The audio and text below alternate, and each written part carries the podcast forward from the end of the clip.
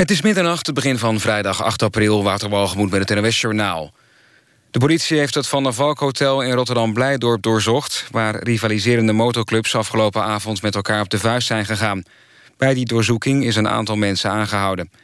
Tientallen motorclubleden gingen vanavond met elkaar op de vuist. Zo gaan om leden van de Hells Angels en van de Mongols.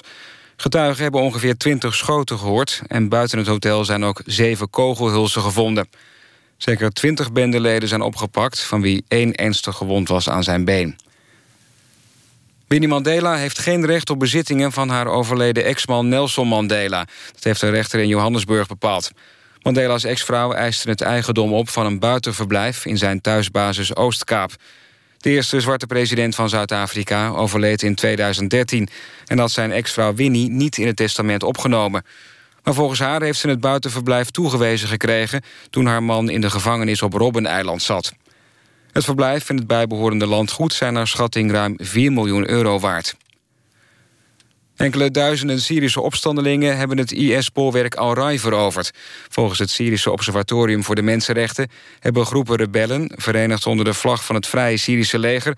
het grootste deel van de stad ingenomen en de extremisten verjaagd. Al-Rai ligt in de buurt van de grens met Turkije. De politie in Den Haag heeft de jongen van 15 opgepakt... in verband met een dodelijke steekpartij. De jongen heeft volgens de politie aan het begin van de avond... een man van 18 doodgestoken. Het gebeurde in de buurt van station Mariahoeve. De man overleed ter plaatse. Korte tijd later werd de 15-jarige jongen aangehouden. Over zijn motief is niets bekendgemaakt. Het weer, vannacht is het op de meeste plaatsen droog. De temperatuur daalt naar 5 tot 3 graden. Overdag begint grijs, maar in de loop van de dag breekt de zon vaker door. Er kan wel een bui vallen en het wordt 11 tot 12 graden. Dit was het NMS Journaal. NPO Radio 1. VPRO. Nooit meer slapen.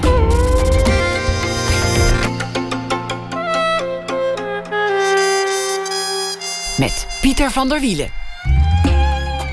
Goedenacht en welkom bij Nooit meer slapen. Straks na één uur komt Johannes Vaas langs, beter bekend als de Antwerpse rapper Tourist Lemcy. Ook in Nederland trekt hij inmiddels volle zalen. Morgen speelt hij bijvoorbeeld in Rotterdam. We gaan uh, stilstaan bij het overlijden van Gerard Reven tien jaar geleden. Maar we beginnen met Hendrikje Spoor. Frankrijk, een liefdesgeschiedenis, is de titel van het boek. Een liefdesgeschiedenis, dus niet met een minnaar of een echtgenoot al komen die er wel in voor. Maar het gaat over de liefde voor een land. Hendrikje verliet haar leven en haar huwelijk om die onvervulde liefde na te jagen. En het werd een onstuimige, moeizame, doch onverwoestbaar gebleken relatie met het land Frankrijk. Hendrikje Spoor is schrijver, woont tegenwoordig in de Bourgogne, schreef meerdere romans. Haar vorige boek heette Vader en Dochter, ging over haar vader, journalist André Spoor. Ook schreef ze Het leven bestaat niet. Dat werd verfilmd onder de titel Diep. En ze schreef nog meer boeken en ze is geboren in 1963. Welkom, Hendrikje Spoor. Dank je. Dat kan echt, hè? Een, een, een liefde hebben voor een land. Gewoon verliefd zijn op het land. Of, of een relatie hebben met een land.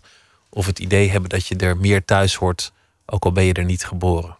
Ja, nou, bij mij is het zeker zo. Maar ik denk dat, dat het. Uh, bij mij is het toevallig Frankrijk. Maar ik, ik, er zijn misschien mensen die dat ook met Italië hebben of met, uh, de Verenigde, met de Staten. Verenigde Staten. Maar voor mij, het was vooral een liefde die heel, heel vroeg begon in mijn leven.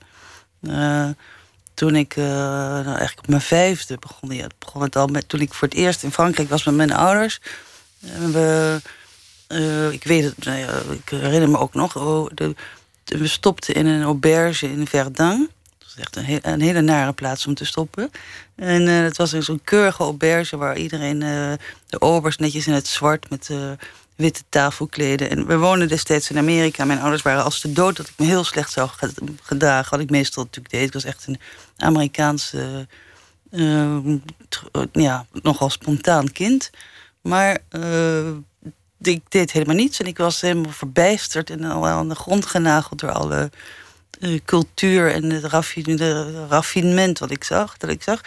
En nou ja, voor mij is dat ook echt het begin. Ik, nou, mijn vader maakte het dat mooier, het verhaal daarna. Maar ik herinner me nog de auberge. En ook het gedoe met de servetten. En, en, en, en, de, en het zware hotelzilver. En de, en de borden. En dat, nou ja, ik had een, nou, vanaf dat moment was het Frankrijk.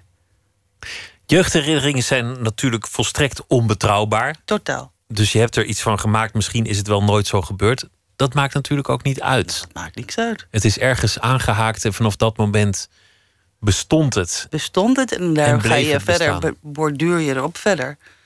Dit was een eerste jeugdherinnering. Daarna waren we eh, in de Dordogne en viel ik, werd ik voor mijn gevoel verliefd op de Franse campagne. En nou ja, misschien heeft het ook, is dat nooit zo geweest en heeft het de hele tijd geregend. En heb ik later bedacht dat het allemaal prachtig was. Maar het werd de stof waarmee ik verder borduurde op het thema in de liefde Frankrijk. En dat, werd heel sterk in mijn, in mijn tienerjaren. Was, werd het, nou ja, ook de Franse literatuur. Alles wat Frans was, was op een of andere manier beter, mooier. Eh, Ik denk zoals andere meisjes misschien verliefd waren op een popster... was ik verliefd op de Franse cultuur, op de Franse literatuur.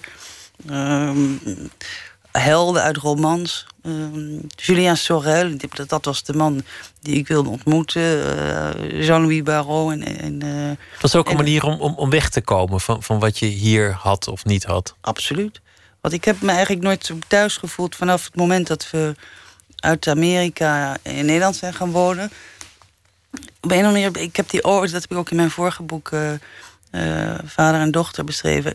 Ik heb die overgang, dat, dat heb ik slecht gemaakt. Ik weet, eh, ik weet niet waarom. Het lag misschien ook aan de gezinssituatie. Het ging er toen vanaf dat moment slecht eh, in het huwelijk met mijn ouders. Maar ook, het was ook een hele een cultuurshock.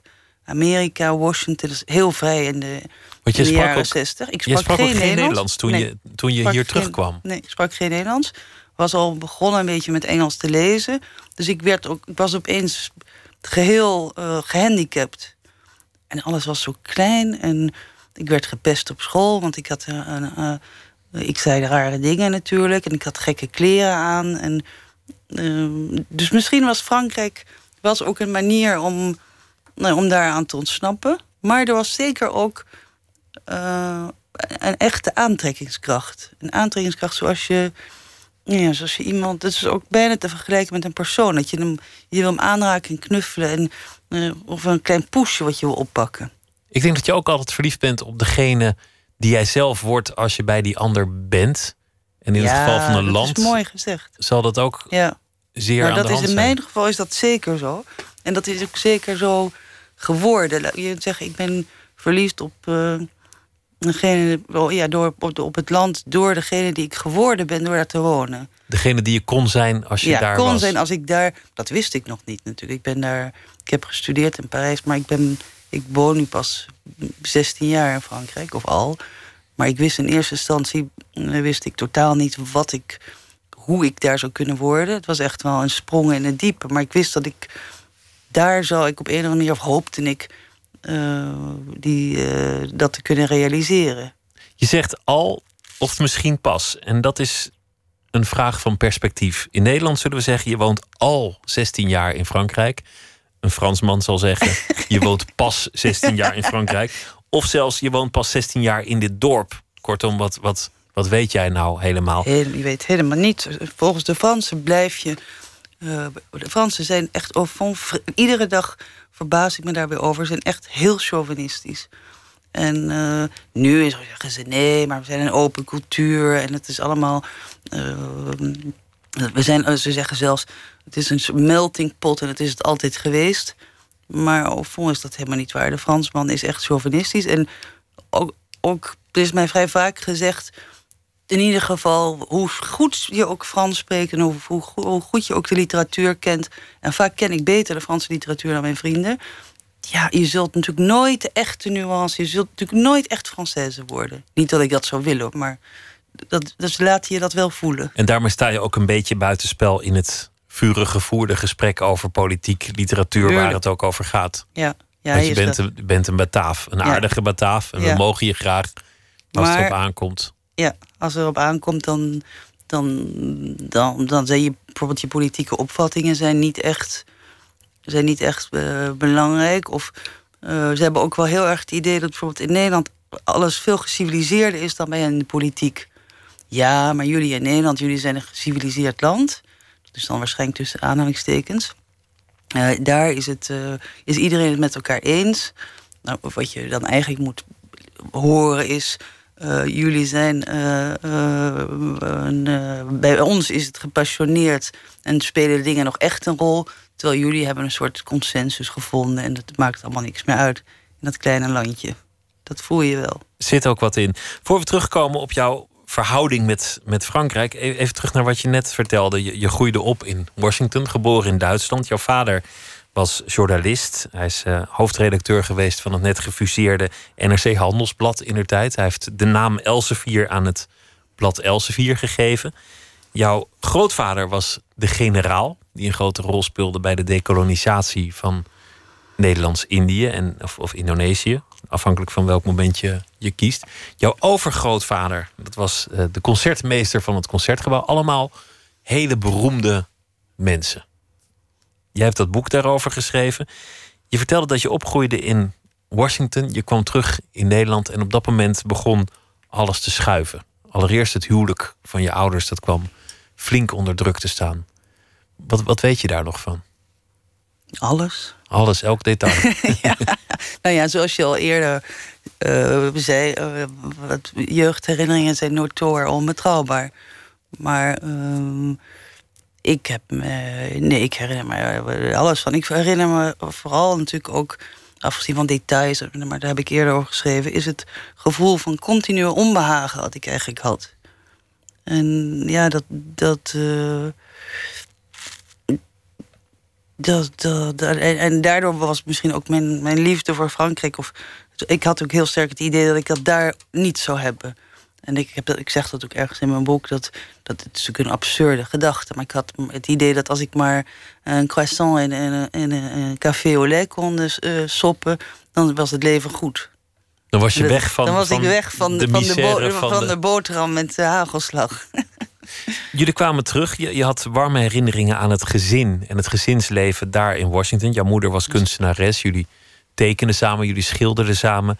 Maar eenmaal terug in Nederland ging het mis. Het was een hele bijzondere tijd, denk ik, eh, toen in Washington. Want uh, het was heel vrij.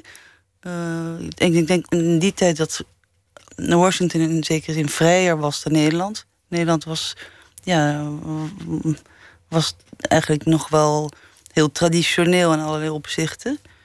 Uh, misschien heb ik dat ook gevoeld. Mijn ouders leefden ook heel vrij. Mijn vader werkte thuis, mijn moeder schilderde. Het was waarschijnlijk voor een kind een ideale... Ik was ook enigst kind natuurlijk. Ideale, ideale opvoeding. Vrij, ze namen me overal mee naartoe. Ik, uh, ik sliep op kussentjes op de grond. Of uh, ja, een soort hippie kindje. Zou je kunnen zeggen. En terug in Nederland werd, werd, dat, werd het anders gewoon omdat dat ze niet gelukkig waren met elkaar. Omdat, omdat, het huwelijk kapot ging. Je, je, beschrijft dat op een, in dat vorige boek, hè, vader en dochter, op een heel eerlijke manier. Uh, heel open. Je, je, noemt dingen bij de naam. Het, het, overspel van je ouders, van, van beide ouders. Daarna de, de enorme explosie van, van dat huwelijk.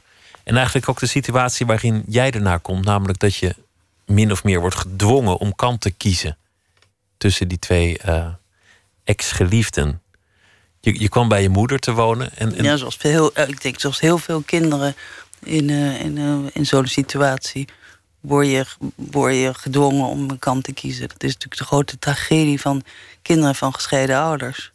En dat, wat je zegt over het eerlijke, dat heb ik ook. dat heb ik ook geprobeerd in dit boek over Frankrijk. Ik probeer echt zo eerlijk mogelijk. Um, als je over dingen en uh, over gevoelens en over je eigen leven wil schrijven. en je bent niet eerlijk. Ja, dan wordt het allemaal zo ingewikkeld. Uh, ingewikkeld wat je moet opschrijven, wat je niet moet opschrijven. Precies, en wat, wat er toe doet en wat er niet toe precies, doet. Precies, precies. Dat vergt moed om dat te doen. In, in het geval van. Uh, Schrijven vergt, vergt moed, anders kun je beter. Anders moet je het gewoon niet doen. moet je iets anders gaan doen. Dat, en je merkt het ook zodra je niet. Ik weet niet, het is niet de muze, maar ik merk het. Zodra ik niet eerlijk ben, is het bijna alsof de letters anders zijn op het papier. Het is, het is niet goed. Heb je uiteindelijk kant gekozen? Het, het verwijt is je, is je gemaakt vanuit je moeder, maar, maar was je uiteindelijk meer van je, van je vader? Nee, nee, ik ben echt. Uh, er zijn momenten geweest dat ik meer affiniteit had met mijn vader. Maar uiteindelijk uh, heb ik ook altijd heel enorm veel affiniteit met mijn moeder gehad. En ik heb ook altijd echt, dat denk ik nog steeds, dat ik heb echt het geluk gehad dat ik uh, de, of misschien het ongeluk, want dat maakt het niet makkelijk in het leven, dat mijn ouders echt de, leukste mensen waren die ik heb gekend. Alle twee onafhankelijk van elkaar. Hele bijzondere, originele, getikte, maar, uh, maar hele ja, uh, waardevolle mensen. De, de, correspondentie tussen jou en je vader, die, die, die toont het ook wel aan. Het gaat heel erg, er zit veel humor in, er zit veel zachtaardigheid in, heel veel eerlijkheid. Maar het gaat ook heel erg over cultuur. Je bent echt grootgebracht met muziek, literatuur, een, een blik op de wereld. En eigenlijk ook een, een, vrij mondaine opvoeding. Mondaine? In de zin van niet, niet op Nederland gericht. Nee, nee, nee, nee. internationaal. Uh, mijn vader was ook heel cosmopoliet. Die, die voelde zich eigenlijk overal thuis. En die, die, die droomde ervan om uit Nederland weg te zijn. Dus misschien is dat iets dat in de familie zit. Want mijn overgrootvader had het ook. Mijn grootvader ook. Nederland was te klein, zoals uh, in het gedicht van Slauerhof. Maar het is waar dat ik inderdaad... Ik, dat maakte echt deel uit van ons... Zo was ons leven. We leefden met de kunst, met de muziek, met de literatuur. Mijn moeder, extreem intens iemand. Die misschien niet dezelfde eruditie had als mijn vader wat literatuur betreft. Maar, ook, maar wel heel erg uh, intensief met muziek bezig was. Met beeldende kunst. En, en daar ook uh, ja, heel innig over sprak altijd. Je moeder had een flinke opeenvolging van relaties. Moeite om, om, om de ware te vinden. jouw vader die had ware, dat... Ware, dat bestaat toch helemaal nee, niet? Ja, denk, voor... je, denkt men in Nederland nog dat de ware bestaat? Voor een moment. Fie donc. Voor aller en France. In Frankrijk is dat, is dat een gedachte die, die achter je ligt. Wat mij opvalt bij het lezen van je beide boeken... is hoe lang het eigenlijk geduurd heeft voor je die, die keuze durfde te maken... om naar Frankrijk te gaan. Hoezeer het in je leven ook aanwezig was, ja, dat is je heel stelde dom, het heel uit. Dom. Ik ben wat dat betreft heel dom. Ik doe dingen veel te laat, vind ik. Wat was het dat je, dat je weer hield om, om erheen te gaan, om het gewoon te doen? Je ging eerst in Leiden studeren. En toen pas na een paar jaar Leiden dacht je, ik ga toch in, in, Parijs studeren. En hoe leuk je het er ook vond, Le keerde terug. Levensangst misschien. Heb je levensangst? Wat is nee, het? ik denk het niet. Maar ik denk, ik, uh, mijn vader had het ook over levensangst. Uh, uh, hij had het misschien wel. maar ik had het misschien ook. Of het heeft er ook mee te maken dat je denkt op een of andere manier niet dat je. dat je. dat het een mogelijkheid is om echt te doen wat je wil doen. Ik dat niet alleen ik, maar ik denk dat heel veel mensen dat hebben. Je wil wel iets wat heel anders is dan wat je doet. Maar je denkt, ja, je denkt niet echt dat het, dat het kan. Dat je het gewoon echt kunt doen. Dat je het is zo mooi dat het een droom lijkt. Ja, of er is ook wel een gebrek aan, aan moed eh, zit daarbij. Of uh, het is ook veel comfortabeler natuurlijk als iets een droom blijft en je niet uh, je een koffer hoeft te pakken en echt uh, naar Frankrijk gaat en dan geconfronteerd wordt met allerlei illusies en ideeën die je hebt en die dan, die dan nou, misschien niet waar blijken te zijn. De, de werkelijkheid is, was natuurlijk heel anders. Niet helemaal, het blijft natuurlijk een, nou ja, ver, verrukkelijk land. Maar het, het, everyday life is natuurlijk niet wat ik me vanaf mijn twaalfde had voorgesteld. Het is, uh... Zoals je het beschrijft in dit boek, heb je op een gegeven moment je huwelijk verlaten om het nu maar eens te doen. Er was vast van alles aan de hand, want je, je gaat niet zomaar weg uit een, uit een huwelijk, maar je verliet je man voor een andere liefde en die liefde, dat was een land. En daar ging je. En, en de man die, die wierp je natuurlijk na. Dit is een naïeve kinderdroom of zoiets. Naïeve kinderdroom, ja. Of uh, ik weet niet. Uh, nee, mijn man wierp me na dat het, was een naïeve kinderdroom. En het, hij had het ook, ja, het was ook het idee van mijn Frankrijkje. Dat was het, het verkleinen, het, ja, het, als een soort spelletje dat ik speelde. Dat, een spelletje, alsof je van het leven een spel maakte. Ja, alsof ik van het leven, van het idee van Frankrijk was als een spelletje. En dan, dat was natuurlijk allemaal heel charmant, maar dat was niet, dat was niet de realiteit. Dat werd me nageworpen. En ik, ja, ik had steeds sterker het gevoel dat ik, dat ik niet. Dat schrijf ik ook op een gegeven moment. Dat, het gevoel dat je niet op de goede weg zit. In wat je deed hier in Nederland. Ja. Gewoon in je leven. In, iedere dag. In, Want eigenlijk het was heeft ook wel met schrijven te maken. Het was zo eenvoudig. Je wilde naar Frankrijk en gaan schrijven. Ja, heel eenvoudig. zit geen woord Frans tussen, dus hartstikke makkelijk. Kan iedereen, Dat kan iedereen. eh, die kan schrijven. Ja, en die, die het kan wil. schrijven. Ja, maar het heeft ook wel ermee te maken. eh, dat is geen verwijt, maar dat, dat misschien in het milieu waar ik eh, ben opgevoed, dat er toch het niet. Het is toch. Eh, Ik, eh, mijn vader had misschien toch op een of andere manier het idee voor mij dat. dat was, ja, schrijven was natuurlijk leuk, maar ik moest toch nog wel met iemand trouwen en liefst kinderen krijgen. Eh, en dat schrijven, ja, nou ja, dat, dat is natuurlijk een mooie ambitie. Maar geheel onafhankelijk. ehm, nee. Dus je hebt toch een beetje gedaan wat, wat je wat het vader wilde. Wat het, ja, het milieu wilde, denk ik. Laten we gaan luisteren naar ehm, muziek alvorens wij gaan praten over eh, Frankrijk en hoe je daar eigenlijk integreert, desintegreert en tegenaan kunt lopen. We gaan luisteren naar Andrew Bird, een eh, zanger uit Chicago. Heeft een nieuw album Are You Serious? En zo heet ook het nummer.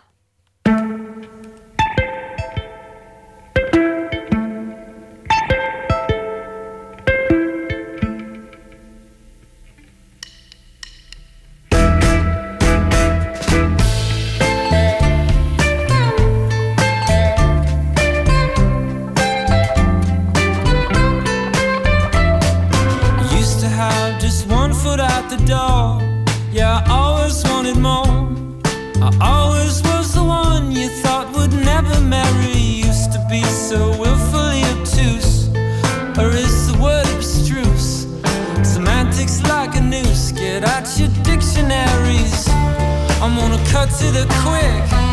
This is all non-fiction. Words you beat with a stick. These are my true convictions.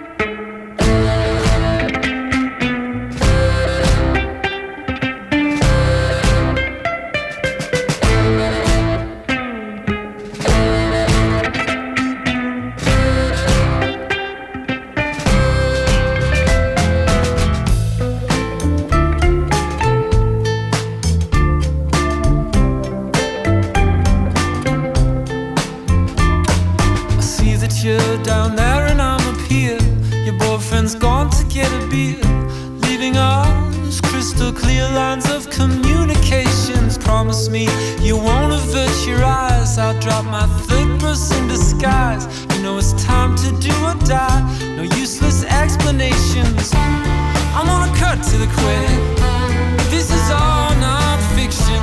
Would you beat with a stick? These are my true convictions.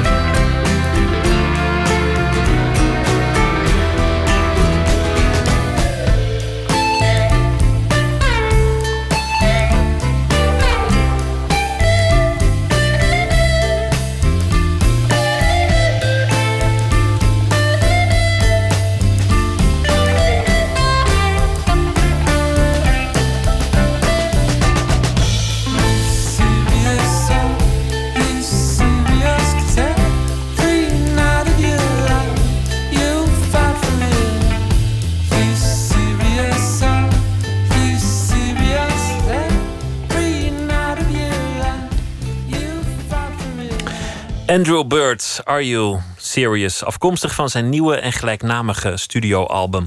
Frankrijk en liefdesgeschiedenis. Hendrikje Spoor zit tegenover mij. Een boek dat onderliggend gaat over worden wie je eigenlijk wil zijn. Doen wat je eigenlijk wil doen. Het leven leiden waarvan je ooit op basis van een min of meer willekeurige jeugdherinnering hebt besloten dat dat jouw roeping moet zijn. En alle moed die dat vervolgens vergt om dat ook te doen. Levensangst noemde je het net. En in je vorige boek heb je ook een vrij streng oordeel over die familie Spoor, waar ik net zo hoog over opgaf. Concertmeester, generaal, hoofdredacteur. Jij zegt, de, de, de spoors die schoppen het nooit echt ver. Die komen nooit tot echt grote dingen. Dat vond ik ook een streng oordeel. ik ben dat niet. Het is mijn vader die dat zegt. Uh, uh, in zijn, uh, in zijn memoires. Of ik denk, misschien in een brief aan mij zegt hij dat. Dat, dat hij blijft aan hetgene. Of in een dagboek zegt hij het. In het dagboek wat hij schreef tijdens, toen hij, na zijn hartoperatie. dat dus de, iedereen in de familie Spoor, volgens hem, werd altijd weerhouden door wat hij dan levensangst uh, noemt. Deed niet echt wat, wat ze wilden doen. Nou, ik vind het toch wel meevallen hoor, eerlijk gezegd. Uh, ik vond het ook een streng oordeel. ik vind het ook. Mijn overgrootvader heeft toch, ja, wat kun je hem zeggen? Hij heeft nooit, heeft nooit uh, opnames willen maken van concerten. Nou ja, goed.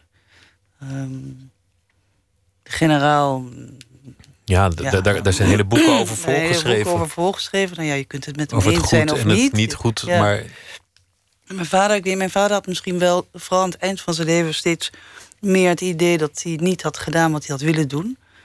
Maar ja, er was ook zo'n romantische, uh, onmogelijke man in zekere zin. Dat hij wist, ook niet wat hij echt had willen doen. Hij had een toneelschrijver willen worden, um, vrije schriftsteller. Maar dat, waren natuurlijk ja, nogal onpraktische ideeën. Want, nou ja, toneelschrijver. Uh, hij, hij, was, hij heeft jaren uh, aan een toneelstuk gewerkt, maar dat was dan sporadisch. Dat heeft het nooit afgemaakt. Je ging. Je hebt uiteindelijk dat besluit, besluit genomen. Je was vastgelopen, je, je, je, zat in Leiden. Je had filosofie gestudeerd. Um, je, was al begonnen met het schrijven. Uh, je was getrouwd. En op een zeker ogenblik dacht je, nou ja, dit, dit wordt gewoon niks. En als ik het nu niet doe, dan doe ik het nooit meer. Ik vertrek naar uh, Parijs. Het was ook wel een fysiek iets. Het was niet alleen een rationele uh, beslissing. Het was ook, ik was fysiek ellendig. Uh, gedeprimeerd. Gewoon miserabel. Miserabel. Miser angstaanvallen. miserabel. Angstaanvallen in de bus. En toen, toen heb je het gedaan, maar dan vervolgens dan wordt het ingewikkeld. Want, want er is in Nederland zo'n prachtige tv-serie. Die, die, die heet Ik Vertrek. En dan, dan volg je stellen die gaan emigreren naar meestal hun favoriete vakantieland. En het smullen van het programma is natuurlijk dat mensen de mislukking al zien aankomen en zich de thuisblijvers die verkneukelen zich met schadenfreude. Omdat die mensen natuurlijk altijd weer terugkomen. Komen ze terug? Vaak toch wel. Ja, oh Ik ben niet een enorme, niet, ik ben niet een enorme tv-kijker, maar de, de paar keer dat ik het zag. Dan komen ze terug met hangende pootjes. Met de staart tussen de benen, met schulden. Vreselijk. Is er een moment geweest dat jij dacht: ik kom terug? Nee, geen seconde. Geen seconde. Geen seconde. Je kwam terecht in, uh, in de buurt bij de Rue Mouffetard in Parijs. Een, van, een van de leukere buurten waar Parijs nog echt ongerept leuk is. Voor zover Parijs dat ergens is. Je woonde een heel historische buurt met, uh, nou ja, met de, de prachtige kerk en kleine, kleine straatjes. Wat dat betreft ongerept. Ja, ook nog wel een echt buurtje waar mensen elkaar kennen, waar mensen elkaar goeiedag zeggen. Roddelen. roddelen. Nou ja. je woonde in een gehorig huis en je had al vrij snel een minnaar. Zoals het uh, net zei je al, de ware liefde. Komt toch naar Frankrijk. Daar denken we heel anders over dat soort dingen. Want een Franse man uh, schrijft het cliché voor. Die, die werkt tot zes uur en komt om negen uur thuis. dus dat was ook het geval bij, bij, deze man. Die affaire die, die heeft je toch een aantal dingen geleerd over Frankrijk. Uh, laten, we, laten we beginnen met de leukste, namelijk dat je alles met een zekere mate van passie en, en schwung moet doen. Bijvoorbeeld het parkeren van je auto. Schrijf eens voor hoe dat een ware Parijzenaar betaamt om dat te doen. Nou ja, ware Parijzenaar. Deze, deze Parijzenaar in ieder geval. Uh, maar uh, die was behoorlijk gek. Uh, daar ging het om parkeren van je auto. Dus niet zomaar parkeren van je auto. Of Ehm, het begon er al mee dat, dat rijden in Parijs is ook al, dat is het begin van de sport. Dat is je moet je vooral enorm opwinden, zorgen dat niemand voor jou uh, bij het stoplicht uh, op dat groen, op groen gaat optrekt. Anders ga je hem uitschelden. Je, ze, nou ja, zo gaat het. Dus gaat het gaat uiteindelijk door. Vreselijk macho gedrag. En dan parkeren. Natuurlijk niet op een gewone parkeerplaats, waarbij je een eindje moet lopen naar je bestemming. Het gaat er dan om om te parkeren op een, liefst op een livraisonplaats of raar op de stoep. En dan op een of andere manier precies waar je moet zijn. En dan uh, hopen en vermijden dat je een bekeuring krijgt. En om geen bekeuring te krijgen, nee, dat is een heel, dat is, uh, een heel ritueel. Ik heb deze uh, geliefde een aantal keren de, de machtigste dames van Frankrijk die de bonnen uitreiken, heb ik ze, hebben ze, zien uh, het hof zien maken. Wat die, uh, ik, weet, ik was er. Uh, ik mocht natuurlijk niet bij zijn, want dat verpest alles. En dan weet ik, dat ging met handkussen en dingen gefluisterd in het oor. En dan uiteindelijk geen bon. Op charme proberen die bon af te wenden. Dat zou je in Amsterdam nooit lukken. Oh nee? Daar werkt charme al lang niet meer. dat, dat, is, dat is in Amsterdam iets. dat is iets al uitgewerkt. Van, uitgewerkt. Het is, bestaat iets van de vorige eeuw. Vermoedelijk. Maar in, in Frankrijk is charme... charme is heel belangrijk. Charme ook in de welbespraaktheid. De manier waarop je met elkaar omgaat. Voorkomend zijn, dat werkt nog... Dat werkt, uh, dat, dat, werkt uh, bij de Belastingdienst en dat werkt, uh, nee, dat werkt overal. Dat werkt ook nog bij, bij agenten en gendarmen. En, overal heersen codes. mensen hebben daar vaak moeite mee, buitenstaanders, om, om die te doorgronden de kleine codes, de etiketten, de gewoontes, de regels van hoe je hoort te gedragen? Er zijn heel veel regels uh, en het is ingewikkeld, want die zijn niet voor alle, alle sociale lagen hetzelfde. Dat heb je al, dat, dat, uh, dat, dat uh, maakt het moeilijk om te weten hoe je precies moet reageren. er zijn wel een aantal regels die voor iedereen hetzelfde zijn. Bijvoorbeeld nou ja, de simpele regel, je belt een Fransman niet na acht uur, half negen maximaal. Je, die bel je, kan je niet meer s'avonds bellen. Of um, je, gaat, je vraagt nooit iemand op de koffie s ochtends. Elf uur zoals wij doen. Of je, um, je gaat nooit bij iemand de keuken in. Daar kijk je niet. Daar kijk je niet. Privacy is heel privacy belangrijk. is heel belangrijk. Dus je komt niet zo, zoals dat hier gaat, heel snel bij mensen thuis of je nodigt iemand nee, uit om te nee, eten. Nee, dat kan eindeloos duren uh, voordat ze eindigen. Er is een enorm. Ja, ik dacht in een zekere zin, in eerste instantie dat het wantrouwen was. Maar uh, nou, ik begin er langzamerhand ben ik erachter gekomen dat het heeft met privacy te maken en met het, met het uh, respecteren van de privacy van de ander. Dus je, met, jij wil niet bij anderen in de keuken. Je gaat zelf niet bij anderen. En er is een heel, je doet nooit een kast bij iemand open. Of je zal nooit um, plas gaan doen met iemand anders. Echt helemaal nooit. Je gaat niet naar de wc in andermans huis? Helemaal nooit. Helemaal nooit. Want dat vinden ze Dan goor. kun ik nog wel vragen of ze vinden het of goor... of ze vinden het, dat het niet hoort. Maar ik, ik vraag altijd keurig... willen jullie nog even je handen wassen of zo? Nee, nee nooit. Fransen houden niet enorm van verandering. Het is goed zoals het is. De, de, de traditie wordt gewaarborgd. Dat Het heeft iets voor- moois. Ik denk dat het vooral... Het is niet goed zoals het is. Het was vroeger beter. En uit, uit nostalgie van over vroeger... eh, willen ze niet veranderen. Alles is ellendig. De Fransman klaagt onophoudelijk. Ik, ik ken geen... Het is echt verschrikkelijk zoals er wordt geklaagd. Niks is goed. Maar het is ook alles gezellig om te klagen. Mensen vinden het ook leuk om te klagen. is dat gezellig? Dus dan, dan klaagt die ander een beetje ik terug. Heel, ik ben heel optimistisch altijd. Ik, vind, ik ben niet zo klaar. Ik hou niet van klagen. Maar een Franse mannen, al mijn Franse geliefden, is echt voor, over het minste geringste kunnen ze al. Er gaat maar iets mis. Oh, het is een ramp. Oh la la la la, mais c'est le merde. Het, het is, ik ben eerder iemand zegt, bon, niet erg, c'est pas grave. Of we lossen het op. We lossen het op. Maar Je eerste, je eerste Franse minnaar met wie je, eh, toen je naar Parijs trok, ging het uiteindelijk weer proberen met zijn vrouw. Ze Ja, dachten, we moeten dit het was huwelijk heel redden. prettig. Want En hij was, hij was, was, dat was een onvoorziene. je was blij dat je van hem af was. Ja. Toen kreeg je iets met iemand die je via hem had leren kennen. Maar dat, dat kon hij dan toch weer niet hebben. Ondanks dat hij er vandoor ging naar zijn vrouw. En dat jij dan weer een affaire kreeg met een ander. Dat maakte hem woedend, woest. Totaal woedend. Maar dat had er ook wel mee te maken. Het was ook wel uh, met het sociale minderwaardigheidscomplex wat hij had. Want deze, degene die ik door hem leerde kennen was namelijk van adel.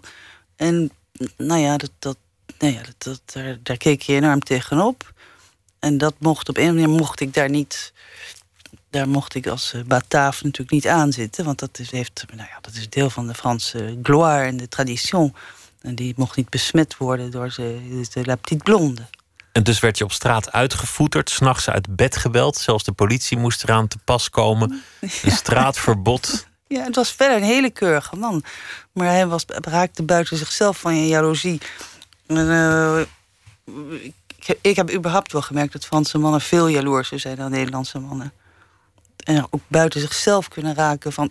Frans raken buiten zichzelf als ze over de politiek praten. Uh, als, ze zich, als hun land wordt aangevallen.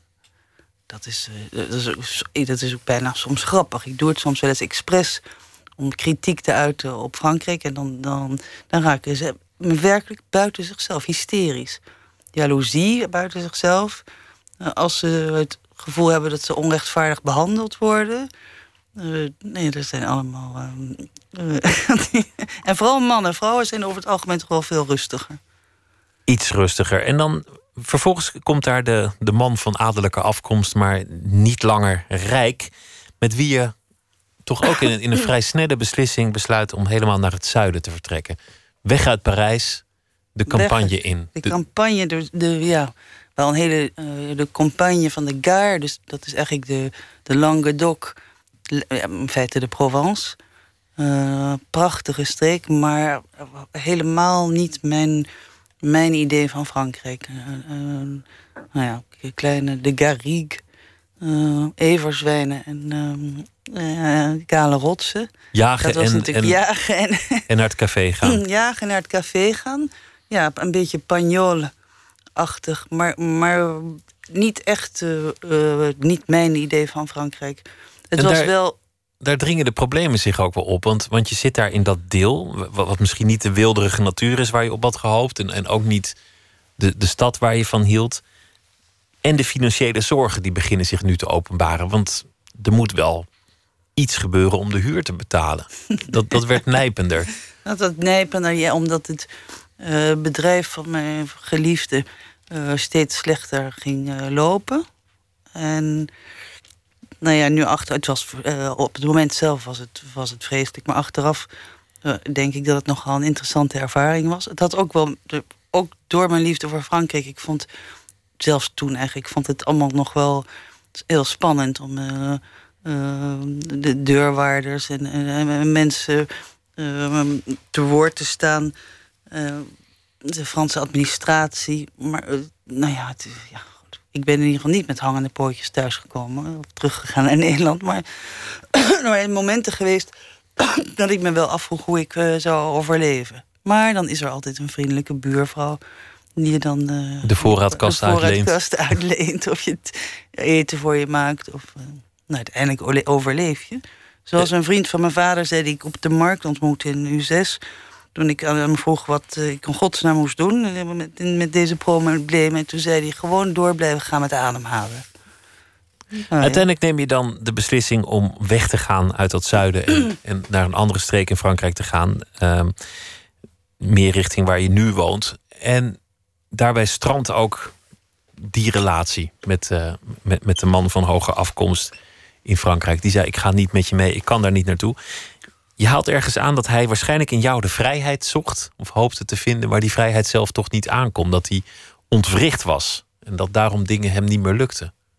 Misschien. Uh, ik ja, dat, dat, beschrijf ik ook in mijn boek. Ik ben natuurlijk uh, opgevoed door mijn ouders op een hele vrije manier. In de zin, waren. Uh, nou ja, mijn vader had natuurlijk een baan en ging, moest, maar je wist eigenlijk niet precies of er gegeten werd, hoe er gegeten werd, met hoeveel mensen er gegeten werd. Dat was toen ik bij hem woonde. En met mijn moeder was het, was het zelfs nog extremer. Die, die kon opeens gaan schilderen en dan... Uh, ja, nou ja, dan we crackers met kaas. Of, uh, ik ben nooit Mijn ouders hebben me, maar dat, ik vind dat ook heel prettig, maar hebben me echt geleerd dat wat belangrijk is, als je iets, iets wil doen en dat heel belangrijk is, dan, dan doe je dat. Je houdt niet op omdat, omdat het nieuws er is of, of, omdat je nou eenmaal hebt besloten dat je om zo en zo laat gaat eten. Of- En de Fransen hebben dat, die zijn heel eh, op de rituelen. Dus midi pile wordt geluncht, dan houdt ook alles op. S S'avonds eh, l'apéro om zeven uur, of om half acht en om acht uur diner. En ja, dat heb ik niet. En ik dan, ik denk dat mijn geliefde dat in eerste instantie fantastisch en bevrijdend vond. Maar op den duur, misschien was het wat te veel allergie. En daardoor kon hij niet, niet functioneren. En eh, lukt het hem gewoon niet om, om met jou te leven of om, om zelf zijn leven op te bouwen. Ik heb hem net gezien vorige week. En hij, eh, hij is geheel van mening dat dat, eh, hij functioneert fantastisch nu. Jij ook. Eh, Ja. Je bent in de Bourgogne komen te wonen. Inmiddels aan je, je, je derde Franse geliefde. eh, met wie je nu daar woont. Die, die het boek volgens mij niet, niet heeft gehaald. Maar hoe gaat het daar nu? In, eh, in, in Bourgondië waar je zit. Want je, je bent uiteindelijk gaan doen wat je altijd al wilde. Al wist je het misschien nog niet. Je bent gaan schrijven in Frankrijk. Dat is jouw bestaan geworden. Dat is mijn bestaan geworden. Ehm, ja, dat, dat is in feite wat ik eigenlijk altijd heb gewild. Maar ik denk ook dat het heel erg met de Franse taal te maken heeft. Want dat is Eh, eigenlijk je liefde. Ik, nou ja, nee, dus Frankrijk is mijn liefde, maar de Franse taal. Ja, ik denk dat het au fond de Franse taal is. Die me, dat heeft 15 jaar geduurd voordat ik die een beetje onder de knie eh, heb gekregen. En ja, dat, dat is een, een dagelijkse passie. En die me ook in het schrijven, voor het schrijven in het Nederlands enorm heeft geholpen. Het is een manier van denken. Het is een bevrijdende manier van denken. Eh, ik heb nu eh, in de auto heb ik naar de, de Nouvelle Orientale van Marguerite Yourcenar geluisterd. Werkelijk, nee, zo briljant. Ik, ik heb het gewoon zo nu en dan de autoroute uitgegild van, van, eh, van, van verbijstering en, en bewondering. Zo, hoe, hoe die taal zo mooi kan zijn.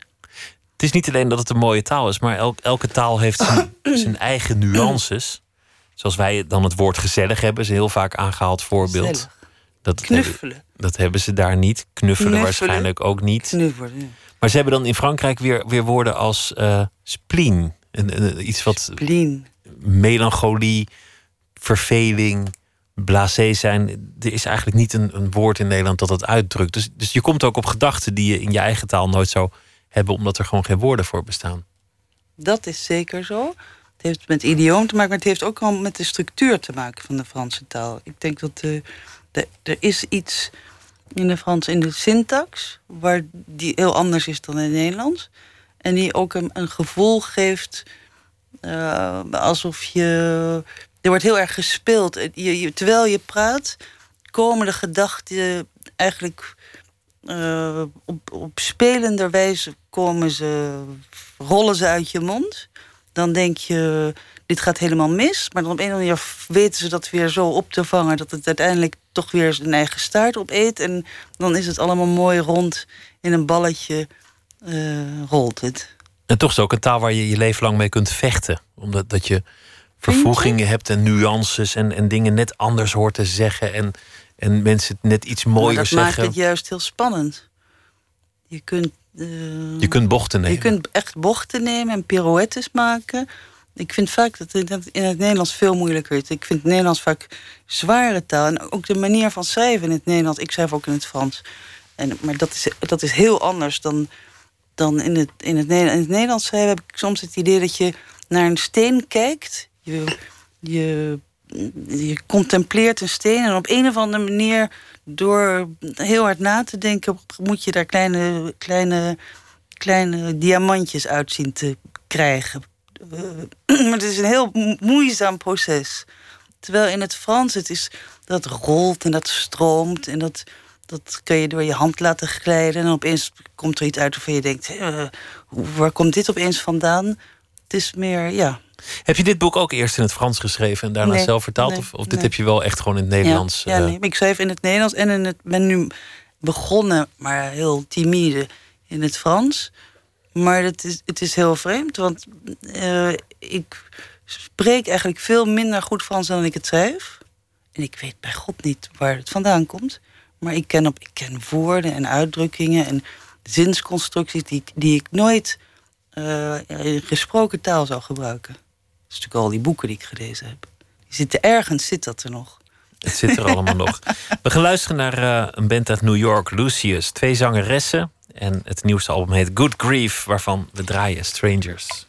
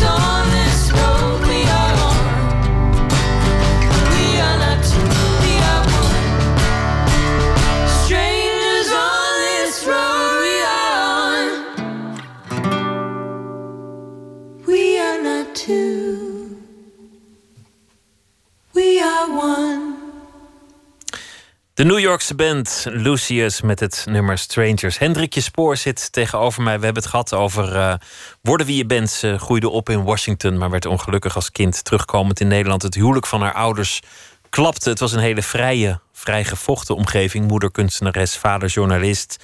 Het waren de jaren 60 en 70. Iedereen was bezig zichzelf te ontdekken. Alleen het geluk wilde maar niet komen. Jeugdherinneringen leken belangrijker dan ze misschien anders geweest zouden zijn. En Frankrijk trok. Uiteindelijk eh, koos ze voor een leven in Leiden. eh, studeerde filosofie, ging schrijven.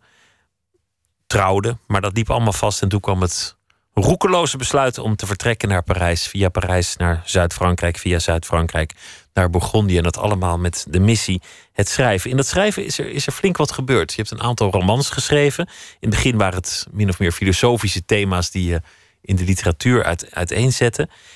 Dit boek en het vorige boek zijn heel persoonlijk. Dit, dit is non-fictie, maar wel literair. Het gaat over jou, over, over jouw leven. Je verzint geen personages meer. Je bent eh, eerlijk, want als je niet eerlijk bent, zei je eerder... wat moet je dan wel en niet opschrijven? Dan wordt het hopeloos ingewikkeld. Wat was er voor nodig om, om die verandering door te maken? Nou, ik ben eh, sowieso. Ik ben begonnen. ehm, ik, ben, ik weet al heel. Ik weet al vanaf mijn negende dat ik wil schrijven. Dat is echt gewoon duidelijk. eh, dat echt eh, een vocatie vanaf dat ik heel jong was. Maar ik ben begonnen met het schrijven van poëzie. En dat is natuurlijk. Poëzie is in in het Engels en in het Nederlands. En poëzie is natuurlijk heel beknopt. En daar heb je ook nou ja, ik vind dat dan heel. Heb je ook die eerlijkheid nodig, die, dat, die concentratie van de woorden en van. Eh, en, en ik vond steeds meer in de fictie eh, die ik schreef dat die concentratie er niet genoeg was. Ik, bever- ik, ik heb misschien ook gewoon niet de fantasie om interessante personages te bedenken, maar ik verveelde me met mezelf. eh, al- als schrijver. Dat is- niet goed. Nee, dat is niet goed. En ja, dat had ook heel erg te maken met, met de, wat ik zeg, met de concentratie. was niet geconcentreerd genoeg. En toen ik begonnen ben ehm, over mijn vader te schrijven, was dat eigenlijk een openbaring voor me. Dat was op een hele andere manier, op een veel geconcentreerde manier. Ook misschien door die eerlijkheid, die, ik- dat ik mezelf heb opgelegd. Eh, en ook over iets te schrijven wat je natuurlijk het be- het beste kent. Je eigen leven ken je het beste. Maar, maar het moet ook heel eng zijn geweest. Heel je, eng. Je beschrijft de ruzies, je beschrijft het vreemdgaan. eh, je vader met de oppas, de- je moeder met de therapeut. De, de ruzies, de verwensingen, de roddel maar tussen waarom de is het echtgelieden. eng? Is het eng om wat andere mensen over je zouden kunnen denken? Bijvoorbeeld. Nou, wat maakt dat nou uit? Omdat mensen boos worden, omdat het raakt aan, aan, aan, aan mensen die je dierbaar zijn. Een recensent noemde het karaktermoord, waar ik het zeer mee oneens was, maar het staat er. En dat, dat moet jou treffen als iemand zoiets schrijft. Nee. Ik weet niet wie dat heeft gezegd. Ik heb het in ieder geval niet gelezen. Oh, dan had ik het niet moeten niet. zeggen, dan had je het lekker niet gelezen. Welke schoft heeft dat gezegd? Gerry van der List in, eh, in Huh? Elsevier.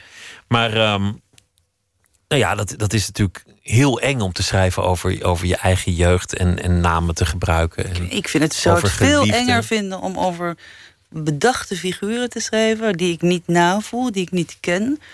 Ehm, ik heb toch geprobeerd om eh, te vermijden... om, om, om eh, echt hele vervelende dingen over mensen te schrijven. En ik heb ook eh, natuurlijk een aantal dingen niet vermeld in het vorige boek...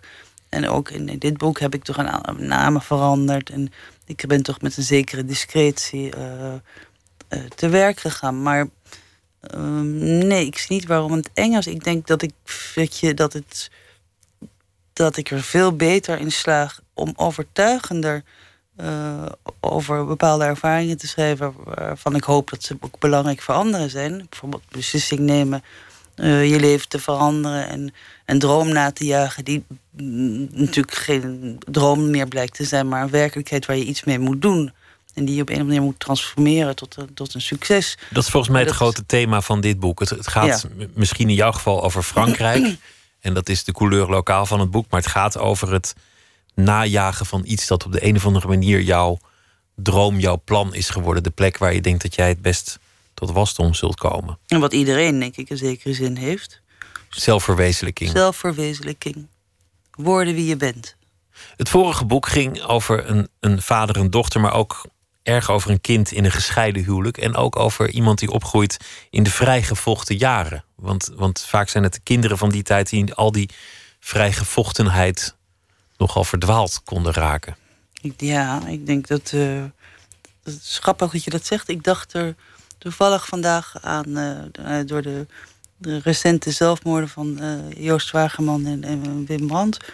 eh, mijn generatie. En ik dacht, hoe komt het nou? Ik ben zelf ook eh, redelijk somber vaak.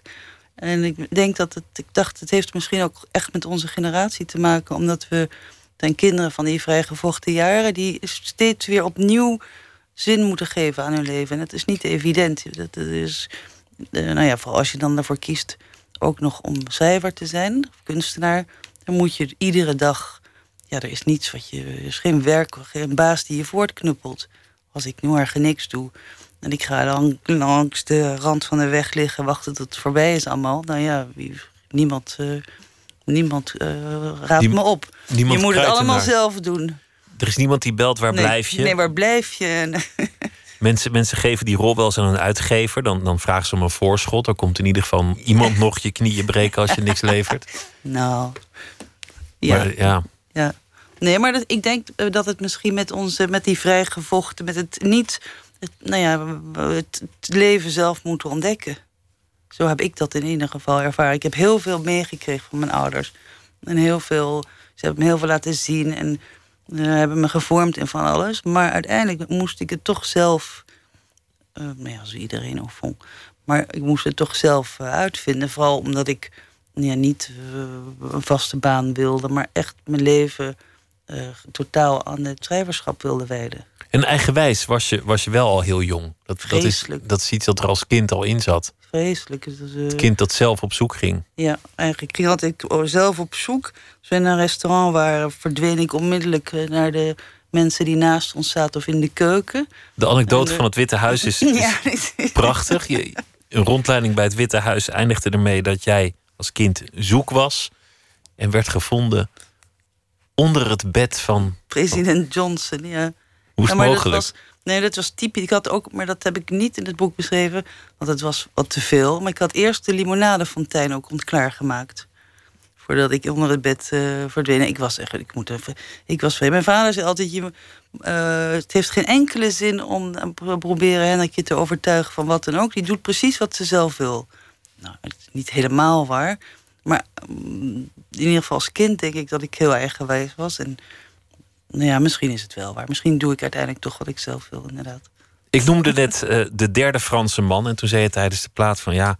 Waarom zei je dat nou? Want die, die, is, er ook al, die, die, die is er ook al uitgegooid. of, of vandoor, dat weet ik niet. Maar die, Ja, Ik krijg nu de naam eh, een, een Franse mannenverslinder te zijn. nou ja, Verslindster. drie maakt, nog, maakt iemand nog niet tot een verslinder, vind ik. Eh, ja, nee, dat, dat, is- want het probleem met Franse mannen, het is allemaal heel leuk en, eh, en charmant. En eh, dat zegt ook allemaal hele mooie en, en eh, interessante dingen tussen de lakens en zo. En ook nog, doet ook nog andere dingen tussen de lakens. Maar ze willen wel alles de hele tijd met je delen. Dus al snel er woont iemand bij je in huis, wordt er de hele tijd gezeurd over wat we voor déjeuner gaan doen. Ehm, eh, je bent eigenlijk nooit. Maar zo zijn ook heel veel. Alle Franse stellen die ik ken zijn zo. Alles wordt samen gedaan. Ook de De familiebezoekjes, ook familiesbezoekjes, alles moet. de eh, ouderavonden, ja, alles met z'n tweeën, altijd alles met samen. z'n tweeën, alles samen. En ja, ik vind dat. eh, ik, ik ben een grote eh, voorstander van de eenzaamheid. En, ehm, of zoals Krishnamurti zegt, uh, loneless. Eh, dus ik kan daar absoluut niet tegen. Dat, dat, is heel, dat is helemaal niet goed. Heb je nou eindelijk je draai gevonden? Waar je nu zit? Totaal. Volledig. Volledig. Ja, voor het moment. Maar ik vind. eh, nee, het is, een, het is op dit moment een ideaal leven. Schrijven in de Schrijven. Bourgondië. In de Bourgondië, de natuur. Natuur is heel belangrijk. Ik zie me ook nooit. eh, ik zou me niet kunnen voorstellen dat ik ooit nog naar een stad terug ga. Maar goed, eh, wie weet, de liefde. Misschien komt er wel iemand die toevallig Parijzenaar is en die, die zegt: eh, Kom, kom Nee. ga met me mee. Nee, Marseille. Marseille, wat zeg je nou? Ja. Maar ik ken Marseille niet. En het is aan zee. Het licht is er prachtig. Het is een vreselijke stad. Het vuilnis ligt er op straat. Als, als mensen zeggen dat iets urban en upcoming is, dan weet je hoe laat het is. is een stad vol problemen. Nou ja, Nice dan. Nice is echt een leuke stad. Dat moet je doen. Goed. Frankrijk, een liefdesgeschiedenis. Hendrikje Spoor. Ik wens je heel veel plezier en, en heel veel succes met het schrijven, met het leven in Frankrijk, met het eh, vinden van je lotsbestemming.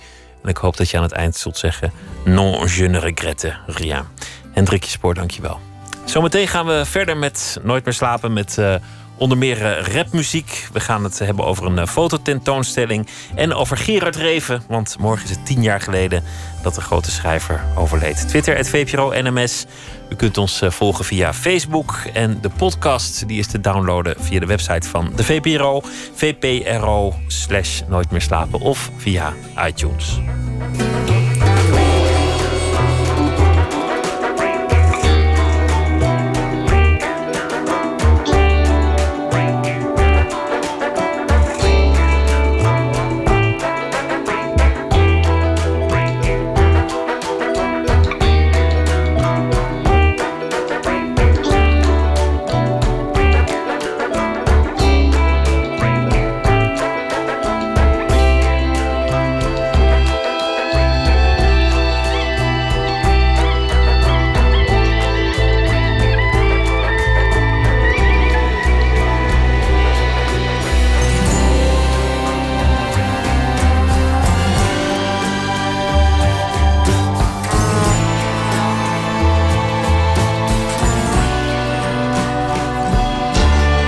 Radio 1. Het nieuws van alle kanten.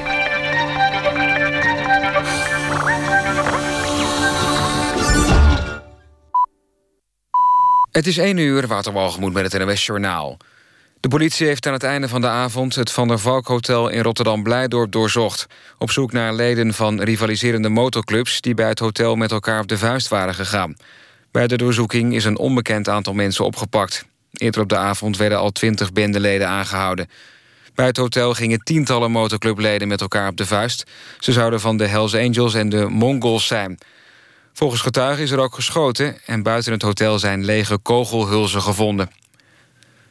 De Britse premier Cameron had toch aandelen in een offshorebedrijf... dat was opgezet door zijn vader. Dat heeft hij erkend in een tv-interview. Volgens de premier heeft hij wel alle belastingen betaald. Cameron ontkende eerder deze week dat hij aandelen in offshorebedrijven had. Er werd naar gevraagd nadat de naam van zijn vader was opgedoken in de Panama Papers. Winnie Mandela heeft geen recht op bezittingen van haar overleden ex-man Nelson Mandela. Dat heeft een rechter in Johannesburg bepaald. Mandela's ex-vrouw eiste een buitenverblijf op in zijn thuisbasis Oostkaap. Mandela had zijn ex-vrouw Winnie niet in het testament staan. Maar volgens haar werd het buitenverblijf haar beloofd... toen haar man in de gevangenis op Robben-eiland zat. De politie van Zuid-Korea heeft de grootste porno-website van het land offline laten halen. Het gebeurde nadat de Nederlandse politie de belangrijkste server van de site had afgesloten. Het Openbaar Ministerie zegt dat dat is gebeurd vanwege een Koreaans onderzoek naar kinderporno. De server is in beslag genomen en wordt nu onderzocht. De man die bekend staat als de seksrabijn is aangehouden in Zuid-Afrika. Israël wil de man al drie jaar vervolgen... voor seksueel misbruik van vrouwelijke volgelingen. Het land heeft om zijn uitlevering gevraagd. Het weer vannacht is het op de meeste plaatsen droog. De temperatuur daalt naar 5 tot 3 graden. Overdag begint grijs. In de loop van de dag breekt de zon vaker door... maar er kan ook een bui vallen en het wordt 11 tot 12 graden. Dit was het NWS Journaal. NPO Radio 1. VPRO. Nooit meer slapen.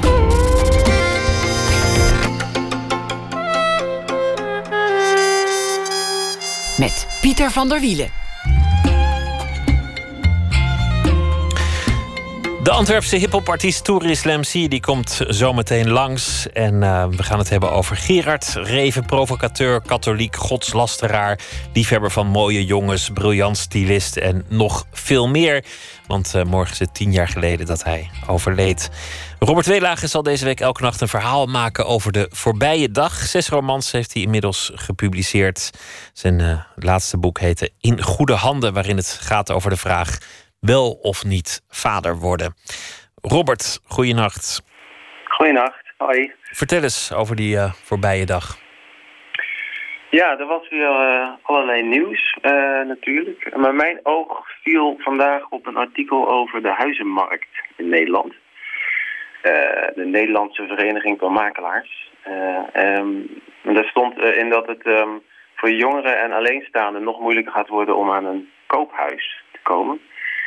En dat betaalbare huurwoningen, daar is ook een tekort aan. Dus daar heb ik een stukje over geschreven. Over het vastlopen in de huizenmarkt. Ga je gang. Ik vraag me al lange tijd af wat nu de werkelijke waarde van een huis is. Daarmee bedoel ik de waarde van de bakstenen, het cement, het glas, de dakpannen, de prijs van het stukje grond. Die prijs kan nooit zo hoog zijn als de absurde vraagprijs voor een huis. Hoe is dat gat ontstaan tussen de nuchtere waarde en die overtrokken prijzen? Wie heeft dat in gang gezet?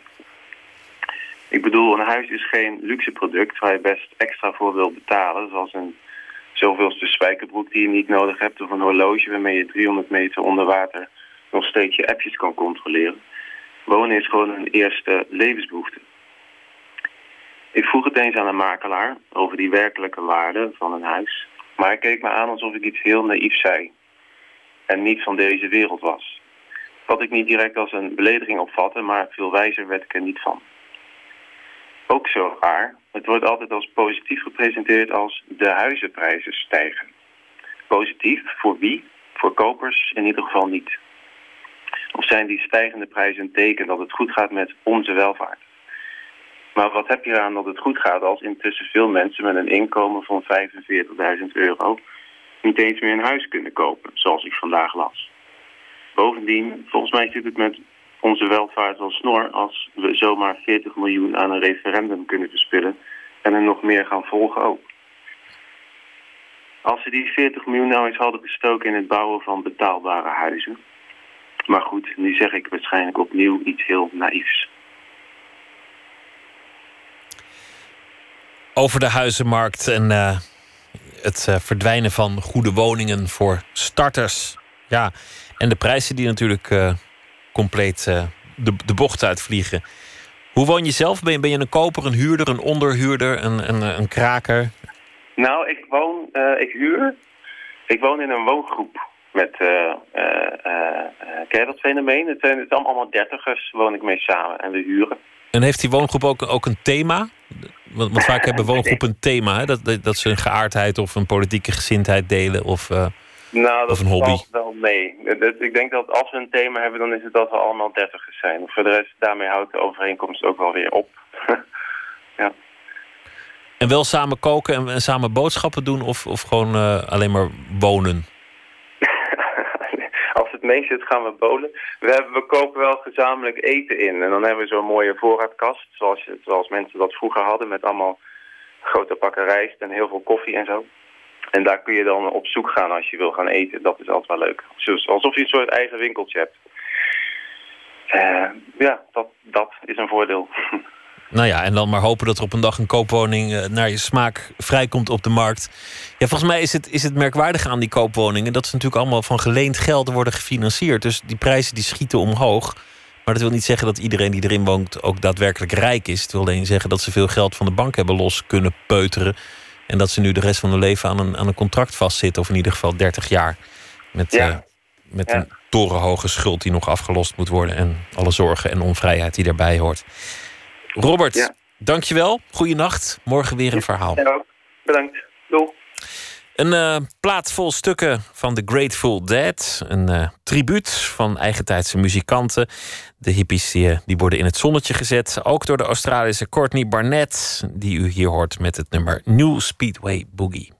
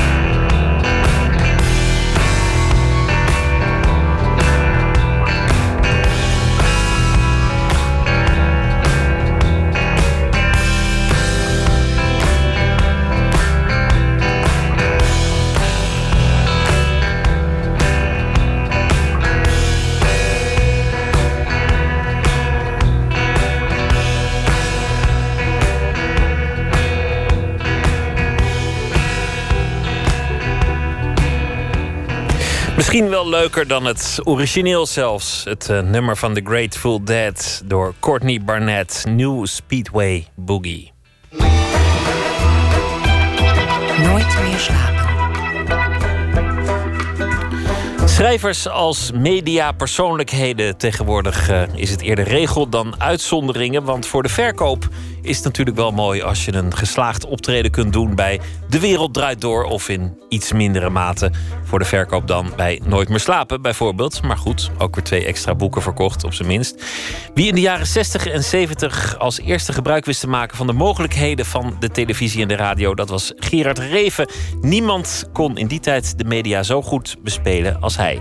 Morgen is het tien jaar geleden dat hij op 82-jarige leeftijd overleed. Een terugblik op de ondergrondelijke wegen van Gerard Reven in een reportage van onze verslaggever Eliane Meijer. Het toestel is nog nauwelijks aangezet. Wordt het een sof of wordt het pret? U zit toch nauwelijks op uw krent. Denkt u, wie is die knappe vent die daar opeens komt naar beneden? Is het Kraaikamp of Adèle of soms Cassius Klee? Nee, nee, nee, nee. Wacht eens heel even. Zie ik het goed? Is het echt waar? Verrek, het is geen kunstenaar. Het is een mens, echt uit het leven. Het is onze eigen Gerard Reven. Gerard Reven, een mens echt uit het leven. Volksschrijver, intellectueel, boekverkoper, zakenman, rooms-katholiek, godslasteraar, racist, romantische dichter, liefhebber van mooie jongens, briljant stylist. En zo kunnen we nog wel even doorgaan. Er zijn heel veel Revens, hè? Als ik nou aan jou vraag, welk, welk beeld van Reven hebben we na tien jaar na zijn dood overgehouden? Ik denk dat het het beeld is eh, van Reven als schrijver van twee of drie boeken die altijd bekend zijn gebleven. Dat is uiteraard De Avonden en dat zal zijn Op weg naar het einde en Nader tot u. En dat is met name het beeld van Reven als provocateur. Als, uh, als mediapersoonlijkheid. Als iemand van wie je nooit weet... is hij nou oprecht of uh, speelt hij nou een rol? Wie Reven echt was, is wellicht zelfs voor Reven zelf een mysterie. Op ons verzoek graaft Neerlandicus Edwin Praat in zijn Revenarchief... op zoek naar iconische beelden, zoals deze huldigingsdienst uit 1969 toen Gerard Reven de PC Hoofdprijs had gekregen. Je ziet hier de Vondelkerk, ofwel de Allerheiligste Hartkerk in Amsterdam. En dit was een live uitzending eh, op de Nederlandse televisie. En tijdens die uitzending werden de muren van de kerk, eh, van de Vondelkerk beklad met leuzen als Flikkerkerk en Ezelskerk. De dubbelzinnige Reven. Nauwelijks een jaar eerder, in 1968, spreekt de Hoge Raad hem definitief vrij van godslastering in het beruchte ezelsproces. En nu wordt hij gehuldigd in een uitgesproken rooms-katholieke kerk. Zijn keus. Hans Keller van de VPRO interviewt Reven. Je hebt die prijs gekregen voor je hele werk. Een belangrijk deel, het eerste deel, om het zo te zeggen, van je werk...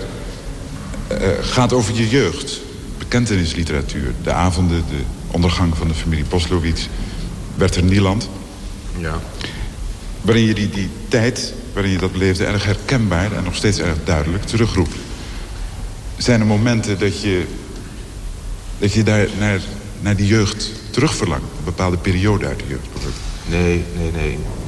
In godsnaam niet. Ik verlang niet terug naar mijn jeugd. Ik, verlang, ik wil niet meer 18 zijn. Ik wil niet 25 meer weer zijn. Ik wil niet weer 30 zijn, 35 zijn. Ik wil naar geen enkele periode van mijn leven zou ik ooit terug willen. Ik vind het alles eigenlijk een verschrikking. Ik vind het bestaan een verschrikking eigenlijk. En ik heb dikwijls voor een keuze gestaan. En de vraag is dus, ja, uh, je kan je eigen ophangen. Je kan je eigen niet ophangen. En ik heb het besluit genomen om mijn eigen niet op te hangen. Ik moet nog wat werken. Uh, ik moet nog wat voort naar mijn eigen idee. En voort ging Reven. Tot aan het einde in het verpleeghuis in Zulte. Hoe zou hij zelf deze tiende verjaardag van zijn dood beleven? Heel optimistisch over zijn eeuwigheidswaarde is hij nooit geweest. Hij zei daarover, de eerste tien jaar na mijn dood word ik vrijwillig gelezen. Daarna verplicht. Dan kom je op de boekenlijst van de middelbare school te staan. En tenslotte wordt er een straat naar je vernoemd. Maar ja, wie weet er nu nog wie tweede van de helft was. Ehm, dat zei hij dan eh, regelmatig. Ja, ook hierbij moeten we ons weer afvragen... in hoeverre hij dat meende... of eh, gewoon weer een mooi punt wilde maken. Deze vrolijke muziek komt uit een ander televisiemoment. Vijf jaar later in 1974. De grote Gerard Reven Show. Denk er voor een volledig beeld drie dansers in strakke broeken bij... die hevig met hun heupen zwaaiend de taal der liefde van Reven lezen. NOS proudly presents Rob Tauber, proudly presenting The Jerry Reeve Show. Het was een, een kitscherig, camperige personality show rondom eh, Gerard Reven. Eh, op instigatie van eh, Rob Tauber. Ehm, en Reven wilde daar eerst niet aan meewerken of deed alsof hij er niet aan mee wilde werken. En uiteindelijk is hij toch gestrikt. En dat was een uur lang op primetime eh Nederlands televisie. Uitgezonden door, wat veel mensen vergeten, de NOS. Dus ook nog eens de staatsomroep. De VPRO-gids schreef toen daarover... dit is de langste reclamespot ooit door de NOS uitgezonden. En ook de enige. Ehm, een uur lang reclame voor het werk... maar voor ook de persoonlijkheid van Gerard Reven. En in die show komen alle elementen waar het publiek tot dan toe mee vertrouwd was... of niet vertrouwd mee wilde zijn van Reven. En het waren er nogal wat. Die passeerden de revue. Dus eh, zijn homoseksualiteit. Eh, toen al, wat toen al ging opspelen, eh, zijn uitspraken over culturele minderheden in Nederland. Het feit dat hij God ooit heeft afgebeeld als ezel. Nou, in dat programma komt God in de gedaante van een, van een pop eh, als ezel eh, naar voren en Reven als, als beer. Maar ook zelfs, en dat zou je op dit moment echt niet meer kunnen voorstellen. In de Grote Gerard Reven Show zit een, zit een scène waarin oom Gerard een soort schoolklas van kinderen vieze sprookjes van eigen makelij voorleest. Met soms toch ook wel wat eh, seksuele dubbele lagen daarin. Ja, beste jongens en meisjes. Ik ben het met jullie eens dat het helemaal geen lieve jongen was. Maar hij was wel erg mooi. En hij had een heel fijn, lief, stout jongenskontje. En daarom was Sint-Nicolaas... Waar hij heel goed in was, was inspelen op eh, wat er op het moment zelf gebeurde. En kijken hoe kan ik hier een publicitair of commercieel eh, slaatje uitslaan. Eh, om een voorbeeld te noemen, een paar jaar hierna deed hij een optreden in, eh, dus dat was eind jaren 70, een optreden in Kortrijk op een poëziefestival. En dat is berucht geworden omdat hij daar het ge- gedicht Voor Eigen Erf voorlas. Een van de weinige gedichten overigens van Reven die niet zijn opgenomen in zijn verzameld werk. Dus ook toch wel saillant detail. En dat was een, een, een duidelijk, ja, dit, dit gedicht eh, kunnen we als tekst zelf gerust racistisch noemen. En daar roept hij op tot de blanke macht enzovoort enzovoort. Onze roomblanke dochters onteerd. Waarheen mijn vaderland? O Nederland, ontwaak. Ehm, en hij had van tevoren aangekondigd dat hij een eh, racistisch gedicht zou gaan voordragen. Heeft hij gedaan. En daarmee wist hij zich verzekerd van eh, toeschouwers. Dat poëziefestival was in één klap uitverkocht. Er kwam pers naartoe. Maar hij werd, eh, en dat was niet geanceneerd... na afloop van het optreden... eh, bezocht door een eh, advocaat van Surinaamse afkomst, André Haakmat... die hem in de kleedkamer voor Reven onvoorbereid het vuur aan de schenen legde. En zei dat hij dat eigenlijk niet vond kunnen. En dan mag u het bedoeld hebben of niet bedoeld hebben, propagandastunt of geen propagandastunt. U wakkert latent racistische gevoelens bij grote groepen mensen aan. Eh, dat is een van de weinige momenten op televisie dat je Reven echt ziet worstelen en in de problemen ziet raken, verbaal. Maar wat ik u vragen wilde, hoe nee, vindt luister u... eens, ik zeg, ik zeg nu hoe ik Nee. erover denk en dat willen die mensen Ja, weten. goed, maar- ik, maar ik kan toch moet- niet tegen iemand ook weer een toch- rechtvaardiging Nee, maar u kunt zich toch eens in een problematiek verdiepen voordat u zich een oordeel gaat aanmeten, laat staan dat via poëzie uitdragen. En u bent daar duidelijk niet meer op de hoogte. En ik vind het gewoon een grof Hij schandaal. wist niet zo goed wat hij daarmee aan moest. Dat was duidelijk te zien. Ehm, maar wat doet hij daarna? Eh, in de dagen die daarop volgden stuurt hij een aantal ingezonden brieven aan kranten. In het eerste bericht dat hij stuurt, verdedigt hij zich en zegt hij: eh, Ik heb natuurlijk niet letterlijk bedoeld wat er in het gedicht staat. Het is een performance, eh, u moet dat niet letterlijk nemen, het is kunst. En ik heb alleen maar door middel van deze zeer overdreven uiting ergens aandacht voor willen vragen. Maar in de berichten die daarop volgen, verdraait hij die boodschap weer. En het laatste bericht dat hij plaatst, ik geloof dat het in de NRC is... ehm, daarin roept hij op voor een gescheiden samenleving... waarin zwart en blank eh, van elkaar gescheiden zullen leven, zullen moeten leven. Ehm, los van wat je daar eh, ethisch van vindt, of je dat vindt kunnen of niet... is hier weer duidelijk dat hij aanvankelijk zeer in de problemen komt. En dat is ook bekend uit, eh, uit de correspondentie die, die hij daarover heeft, heeft gevoerd. Ehm, maar daar weer zo'n twist aan weet te geven... dat in ieder geval er weer aandacht is... en dat zijn vaste ingrediënt... ehm, wie is Reven nou? Wanneer is hij nou oprecht en wanneer niet? eh, weer eh, het hoofdingrediënt gaat vo- vormen van deze rel. Ik denk dat heel veel wat tegenwoordig mogelijk is als het gaat om mediapresentie van schrijvers en van kunstenaars, eh, mede mogelijk is gemaakt door Reven. Maar tegelijkertijd betekent dat dat wat voor Reven mogelijk was, namelijk het provoceren in veel opzichten, nu veel moeilijker is. Want eh, de grenzen zijn veel verder opgerekt. Wij zijn inmiddels allemaal bekend met het feit dat schrijvers zich in de publieke ruimte heel anders kunnen gedragen dan ze misschien werkelijk zijn. Dat ze zich kunnen verschuilen achter een persona. En dat ze elke dag een andere mening kunnen hebben. En dat onder het mom van artisticiteit eh, kunnen eh, verkopen. Ehm, dus eh, dat is ook een beetje, nou, tragiek is wat te zwaar aangezet, maar wel het probleem geworden van Reven. Door het succes dat hij had met zijn provocaties, kon hij uiteindelijk niet meer provoceren. Mensen die altijd zeggen, of het vijanden zijn, weet ik niet. Hij is een acteur, een charlatan, een comediant. Hij is een clown. En tegen die mensen zou ik willen zeggen... ja, dat is waar. Ik ben een acteur, ik ben een comediant... ik ben een charlatan en een clown. Maar het krankzinnige is... dat de rol die ik speel, dat ik dat ben. En dat ik vanavond, dat geloof ik in diepe ernst... eigenlijk niets gezegd heb wat ik niet heb gemeend.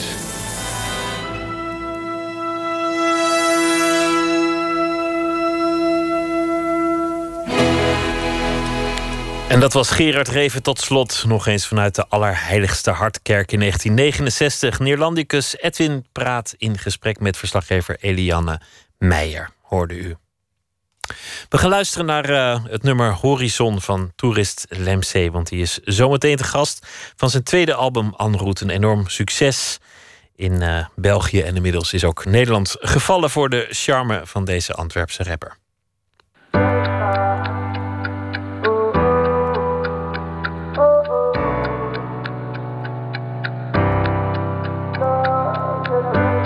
Te blijven hopen of leg ik me neer als misantroop? Was niet voor de liefde van mijn huh, dan gaf ik het al lang op. Heb vertrouwen in de mensheid. De optimist zegt, ga beter als ooit. Historicus pleit, we hebben het erger gehad. De grote hoop hebben niks gezien, niks gehoord. Een brandje hier, een brandtaartje daar. De as tot in de achtertuin. Bezedigen je politieke landkaart. Of over hoe alles terug te brengen tot op ons eigen bord. Ik blijf positief, dat zeker dat. Toch vrees ik voor morgen, desondanks. Ze hebben klaar voor een nieuw begin. Ik weet vandaag nog niet helaas, morgen misschien. Verleden dat ik als kind nog dat kost over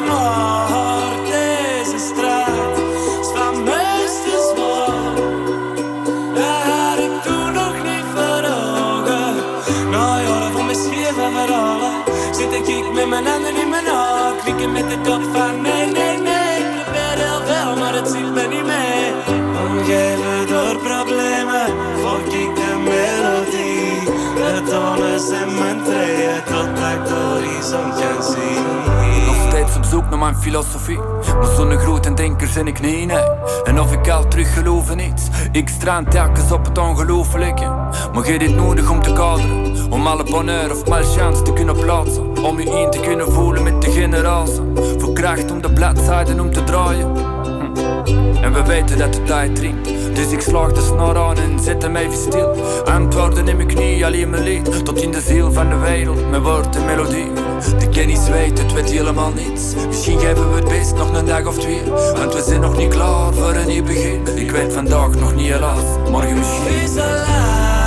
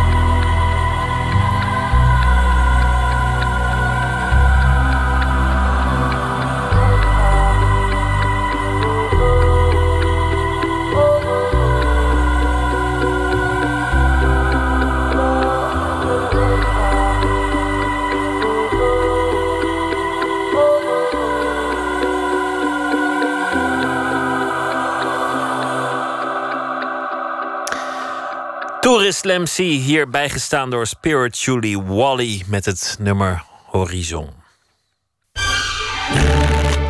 Open kaart.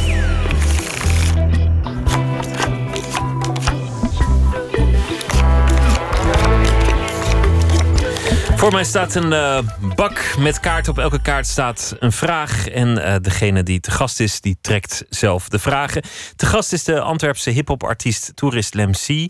Hij eh, treedt morgen op in Rotterdam op het festival Motel Mozaïek. Een Antwerpse rapper die inmiddels ook volle zalen trekt in Nederland. Hartelijk welkom, uh, Tourist Lemcy. Dank u. Waar is die, uh, waar is die artiestennaam mee begonnen eigenlijk? Waar, waar was je toerist? Ik was uh, toerist in eigen stad. In kom, Antwerpen? Klopt, in Antwerpen. Uh, ik kom met een... een ja, Antwerpen is in het algemeen wel een heel super diverse stad. Uh, maar ik kom dan nog eens uit een, uit een heel multiculturele wijk. Um, ook een beetje een van de beruchtste wijken uit Antwerpen. en ja, ik was daar um, ja, een beetje toerist in, in, in een heel gekleurde wijk. In een heel gekleurde vriendengroep ook. Zodoende de, titel Toerist Lemcy. Jouw, jouw teksten gaan, gaan heel erg over wat je meemaakt in je leven, maar ook in de, in de stad. Het gaat ook over de, de veranderende samenleving in, in België. Toch ben je altijd zachtaardig en positief, uiteindelijk. Ben je het eens met die kwalificatie? Uh, ja, klopt wel. Ik, ik, um, zeker op mijn eerste album was heel Antwerps getint. En op mijn tweede album... Um, ja, de, de, de thema's zijn daar iets universeler en iets minder Antwerps getint. Uh, maar ik schrijf nog altijd van het, uh, mijn eigen ervaringen en de dingen die ik rondom mij zie en de dingen die er in de wereld gebeuren.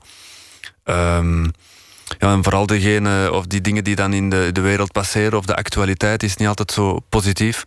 Um, dus ik vertrek dikwijls vanuit een, ja, ik kan niet zeggen fatalistisch gevoel of fatalistisch gemoedstoestand. maar dat is het misschien wel een beetje. laten we zeggen dat het een, een realistische kijk is. Um, waar ik dan een beetje droevig van ook word. Um, maar naarmate ik een, een, liedje creëer, uh, kruipt er toch altijd een beetje wel van iets in van hoop. Of uh, ja, een, een, lichtpuntje of zo, wat er dan een, een positief toontje aan geeft. Hm.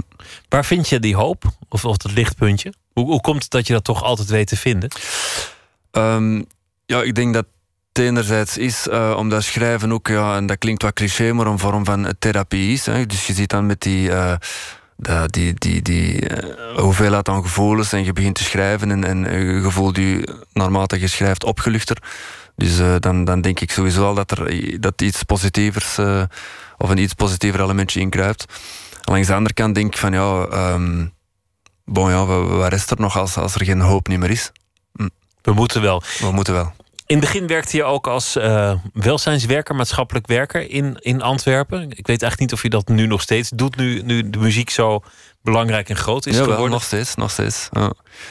Dus je maakt ook alle dingen van de mij mee. Want wat in, in Brussel is gebeurd, het is, een, het is een andere stad met een andere situatie.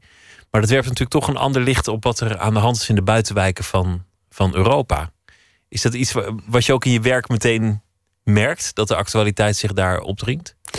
Nee, niet per se in mijn werk. Ik, ik, uh, ja, ik, doe geen maatschappelijk werk. Of, ik ben afgestudeerd als maatschappelijk werker, maar het werkveld is zo breed. Dus ik, ben, ik zit in de hulpverlening, uh, maar niet per se met uh, jongeren of, of in de achterwijk zelf.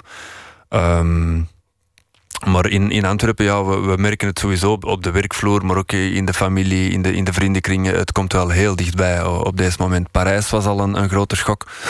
Maar het, om, om het dan in, in Brussel mee te maken, um, ja, dan, dan komt het wel heel dichtbij. Hè, want uh, mijn broer die moest de dag daarna vertrekken van het vliegveld. Mijn tante die moest uh, aankomen die een dag, maar is dan toevallig uh, nog iets langer op reis gebleven. Dus het, het, ja. De schok was heel, ja. heel nabij. Ja.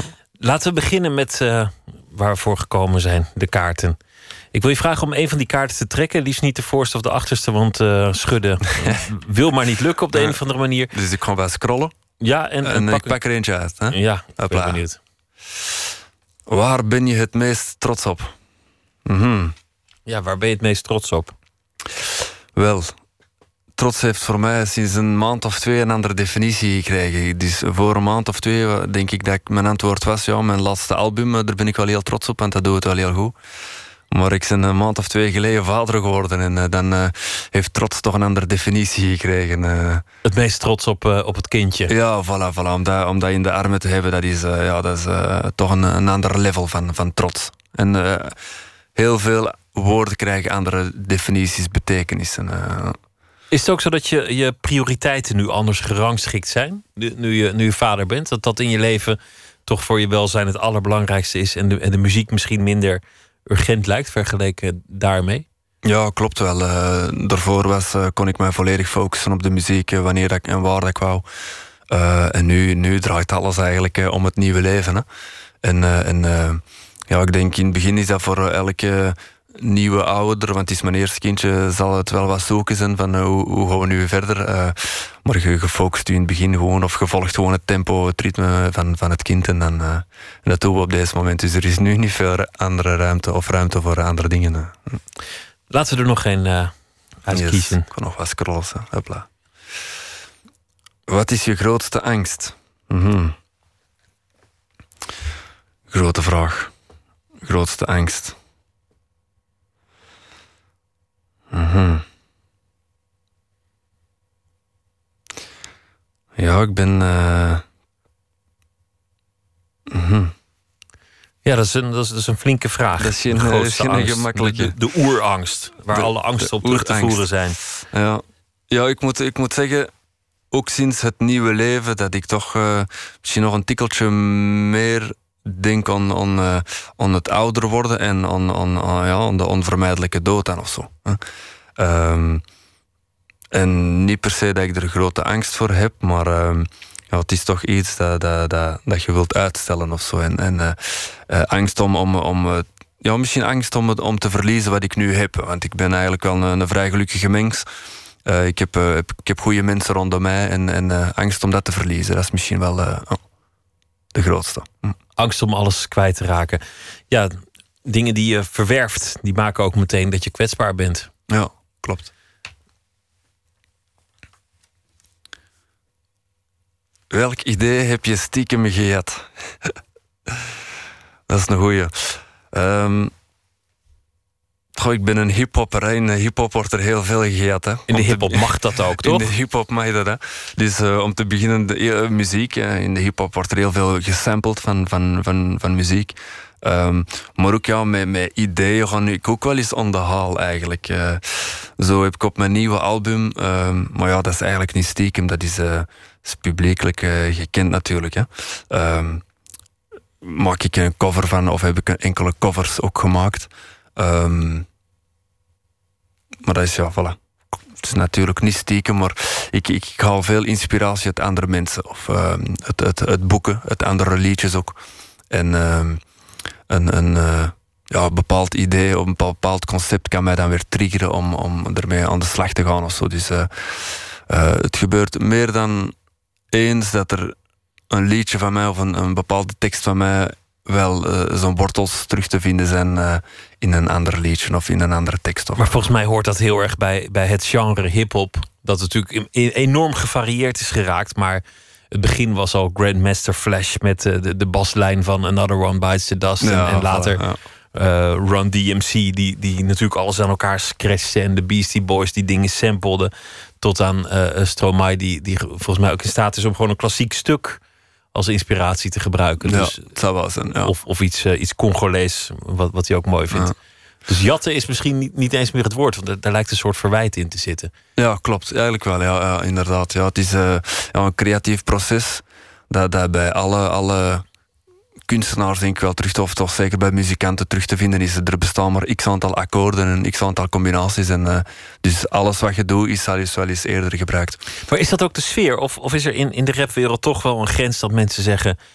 nou, nu heb je het gejat. Nu, nu heb je mij tekort gedaan. Ja, wat er zeker in de hip-hopwereld eh, heel veel eh, terugkomt, is ja, rappers die niks, eh, niks nieuws te zeggen hebben. En, en heel veel hip-hoppers die, die op elkaar trekken, op elkaar trekken qua, qua tekst. Eh, ze zeggen allemaal hetzelfde.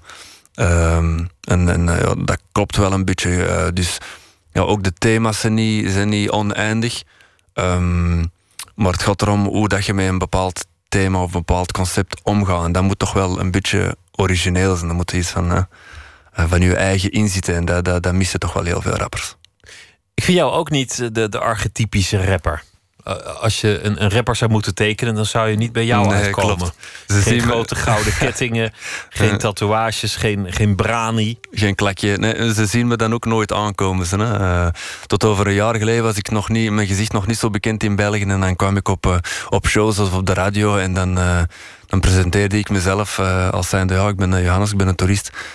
Ah, is jij een toerist? Ah ja. En dan kijken ze zo rond mij. We verwachten toch precies iemand anders. Hè? Dus ze zien me niet altijd, of ze zagen me zeker niet altijd aankomen. Hm. Toch is het heel leuk dat, dat eerst in Frankrijk en, en, daarna ook in Nederland en België.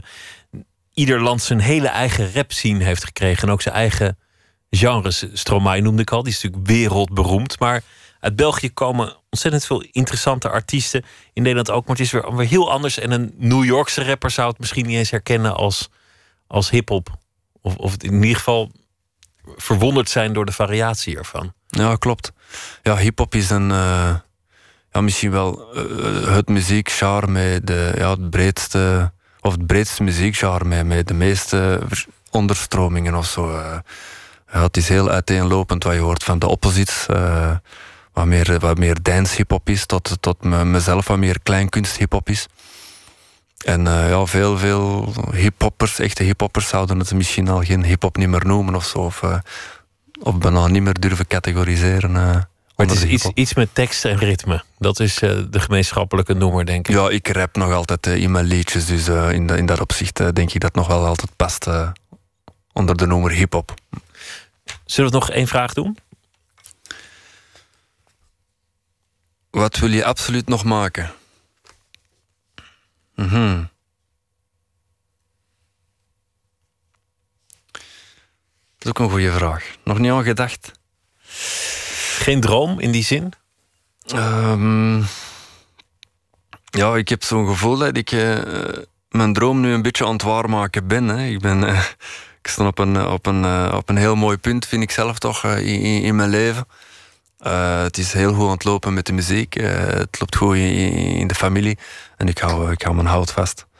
Um, dus uh, ja, voilà, ik, ben, ik ben een gelukkige mens. Ik hoop alleen maar dat zo, dat zo mag verder lopen. Hè. Dat, dat we het niet gewoon kwijtspelen.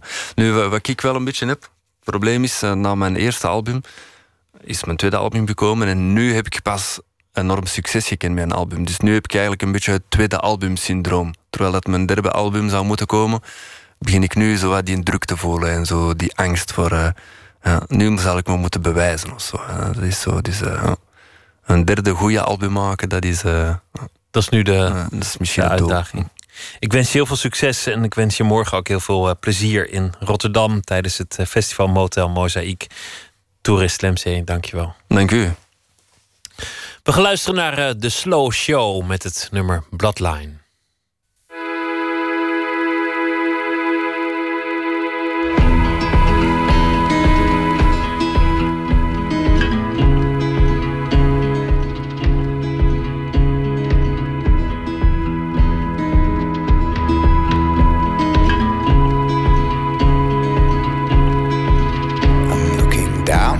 The bloodline just to see your name. I'm looking down all the bloodline, hoping that you do the same. And always that to see me, no one at all. I'm looking down all the bloodline.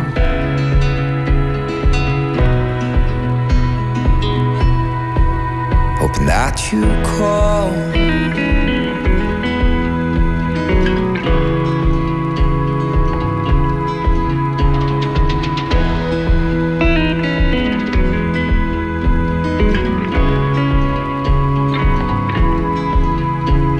I'm standing here this evening, every page a. Yours the page that I know so well It's creased by the tea inside Don't you know me?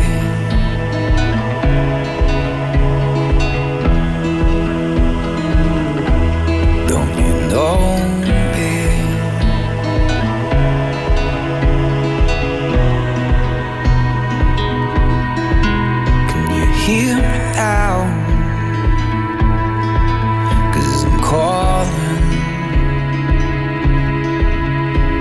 Yeah.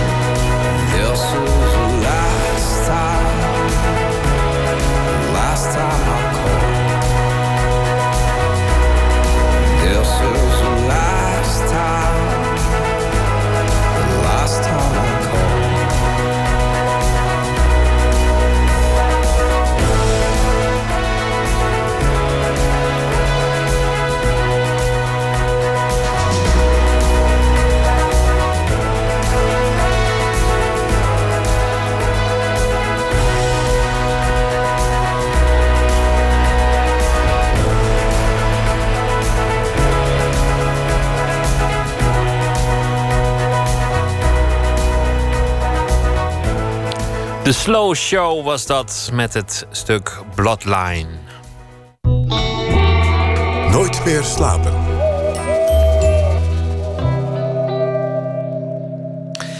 In de galerie van de Melkweg in Amsterdam opent morgen een tentoonstelling over hip-hop. 1212 Ilja Meevat, 12 Years of Hip-Hop. Nachtcorrespondent Andinde Akkermans die is gaan kijken en sprak met Nederlands bekendste hip-hopfotograaf.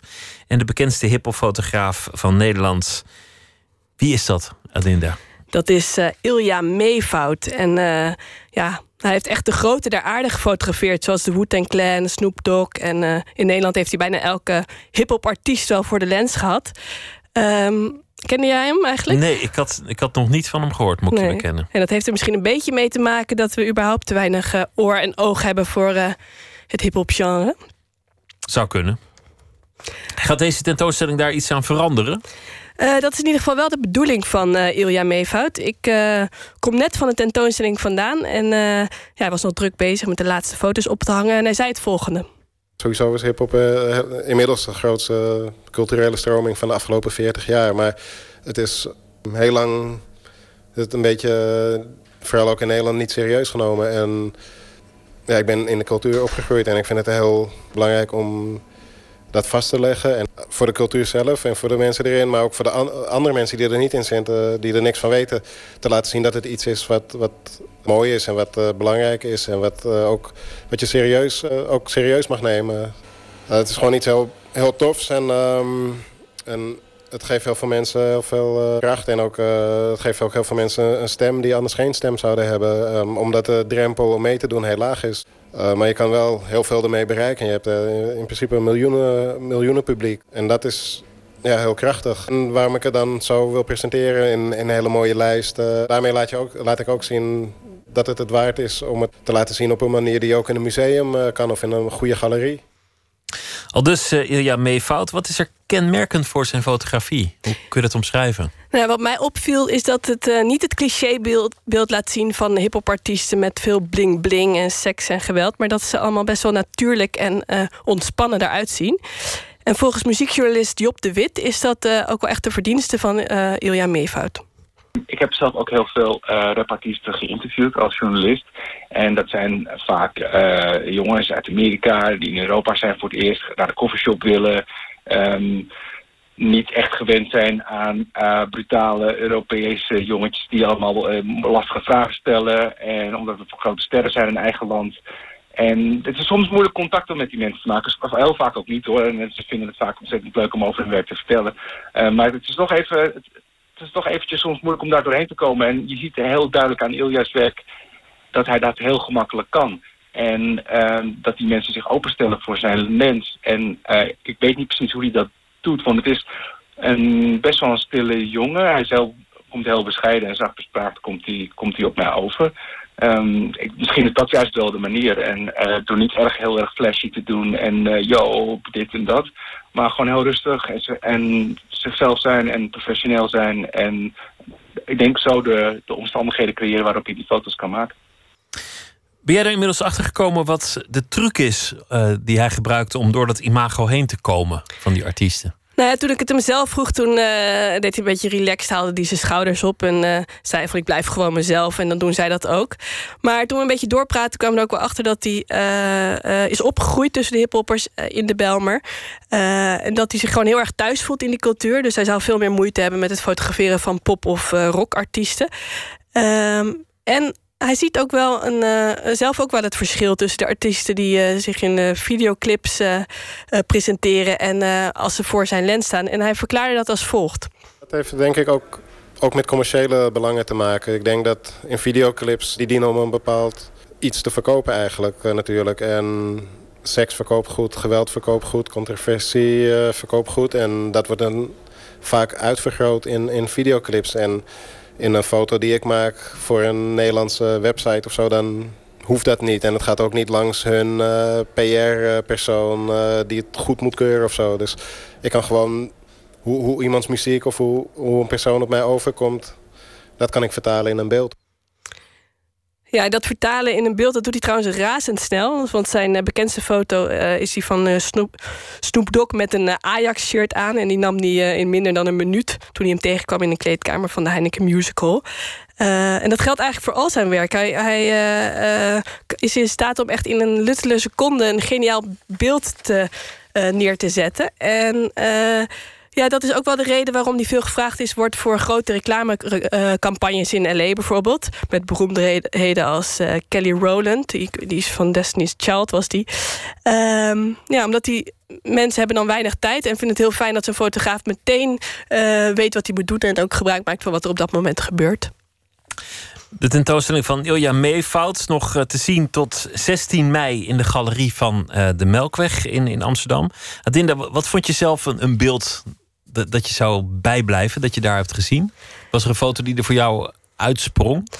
Ehm, wat ik, ja, ik vond die Snoop Dogg wel heel erg tof, omdat hij in zo'n Amsterdam shirtje zat. Terwijl ik hem, voor mij is echt zo'n verre, eh, verre artiest. En hier kwam hij in één keer heel dichtbij. Was hij een beetje een van ons. Vond ik wel heel mooi gedaan. Dit was het beeld van een jonge Michael Jackson in de Jordaan. Die dan voor het eh, café van Tante Co staat of zoiets. Precies. En dan, dan met die, met die afro-koep Ja, die hij in die heel jaren mooi. had. Ja.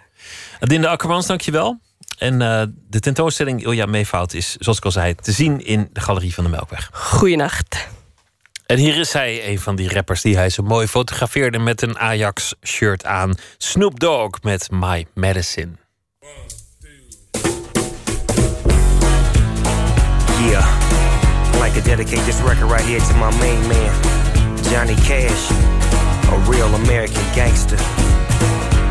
I got my nephew Whitey Ford on the guitar, Young Trev on the drums, Grand Ole Opry, here we come. Uh. Jack be nimble, Jack be quick. Jack put the spoon on the candlestick. Dope stick on the one trick pony. Yeah, she kinda skinny, but she gets my money. Get my money, buy my medicine, buy my medicine, buy my medicine. Get my money, buy my medicine, buy my medicine, buy my medicine. Yeah, you know I got to have that medicine. That prescription medicine, baby. You know, purple, orange, green. Jack starts hanging around with the fiends. Got strung out, sold the cow for beans. Told young wifey, I love you, honey. But you gotta hit the streets, go and get my money. Get my money, buy my medicine, buy my medicine, buy my medicine. Get my money, buy my medicine, buy my medicine, buy my medicine. Yeah, the more dedicated, the more medicated. You feel me? Girl, my love's gonna last just as long as my high. and I'm high all day, every day. You can trust every word I'm gonna say will be a lie. yeah, I lie sometimes. What's the use of the truth if you can't tell a lie sometimes, baby? Now dig this.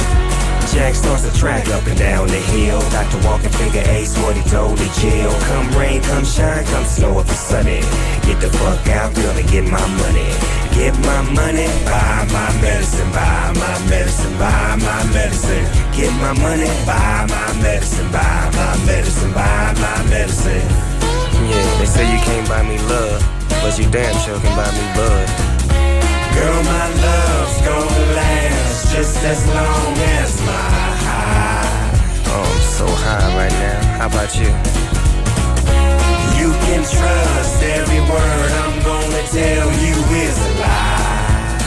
Liar, liar, pants on fire. Girl, I love you. I love you though.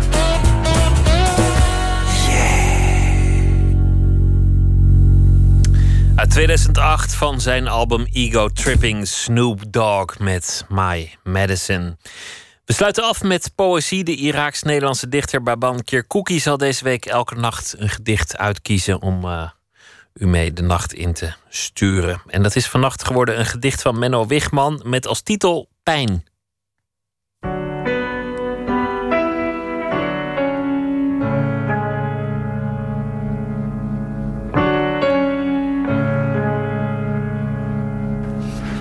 Pijn. Uit de dichtbundel Slordig met geluk van Menno Wiegman. Ik heb deze bundel recent gekocht. Ik lees eh, graag gedicht van Menno Wiegman. Toen zijn dichtbundel Slordig met geluk publiceerde, ik was helemaal eh, onder de indruk van de titel Slordig met geluk. Een gedicht trok mij aandacht. eh, het gedicht heet Pijn. Ik herken mezelf eigenlijk in. Het gaat om de nachtleven hoe hij de pijn ervaart s'nachts. Pijn. S'nachts slaap ik op een mes. Hoe ik ook vecht, een onbehouden pijn brandt me uiteen. Half drie. Mijn pijn zit tegenover mij. We praten niet. We schreeuwen niet. We kijken elkaar niet eens de kamer uit. Zo lig ik maar te wachten in mijn hout. Vier uur. Ik zie de dode met mijn naam. Ik zie een lichaam in de kamer staan. Sterk is het, tanig, stoer en jong. Sprekend mijn lichaam toen het alles kon. Ik groet het niet. En toch, die vreemde schiem laat mij een kamer met een meisje zien. Ik lag te wachten bij een open raam en kreeg die dag een lichaam met een naam. Half vijf, hoe moet ik slapen op een mes? Half vijf, hoe kom ik uit dit lichaam weg? Het gedicht Pijn van Menno Wigman, gelezen door dichter Baban Kirkouki, die morgen weer een eh, gedicht zal uitkiezen en voordragen in dit programma. Dan zit hier Esther Naomi Parkin en die gaat in gesprek met Floris Kaik. Al zo'n tien jaar maakt hij korte films en andere online mediaprojecten waarmee hij technologische vooruitgang visualiseert. Human Bird Wings haalde hij wereldwijd de media mee toen hij een fictieve ingenieur op eigen kracht liet vliegen als een vogel. Morgen gaan we het hebben over het nieuwe project, The Modular Body.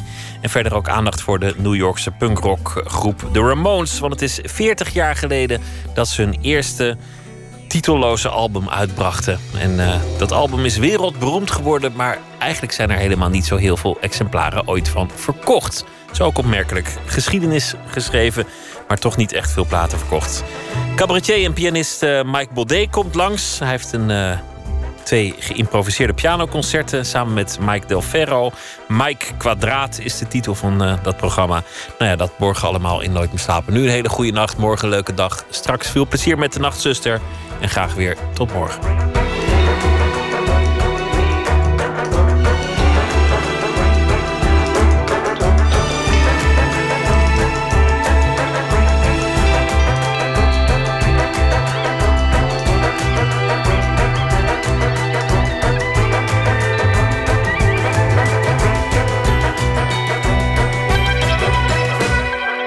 Radio 1. Het nieuws van alle kanten.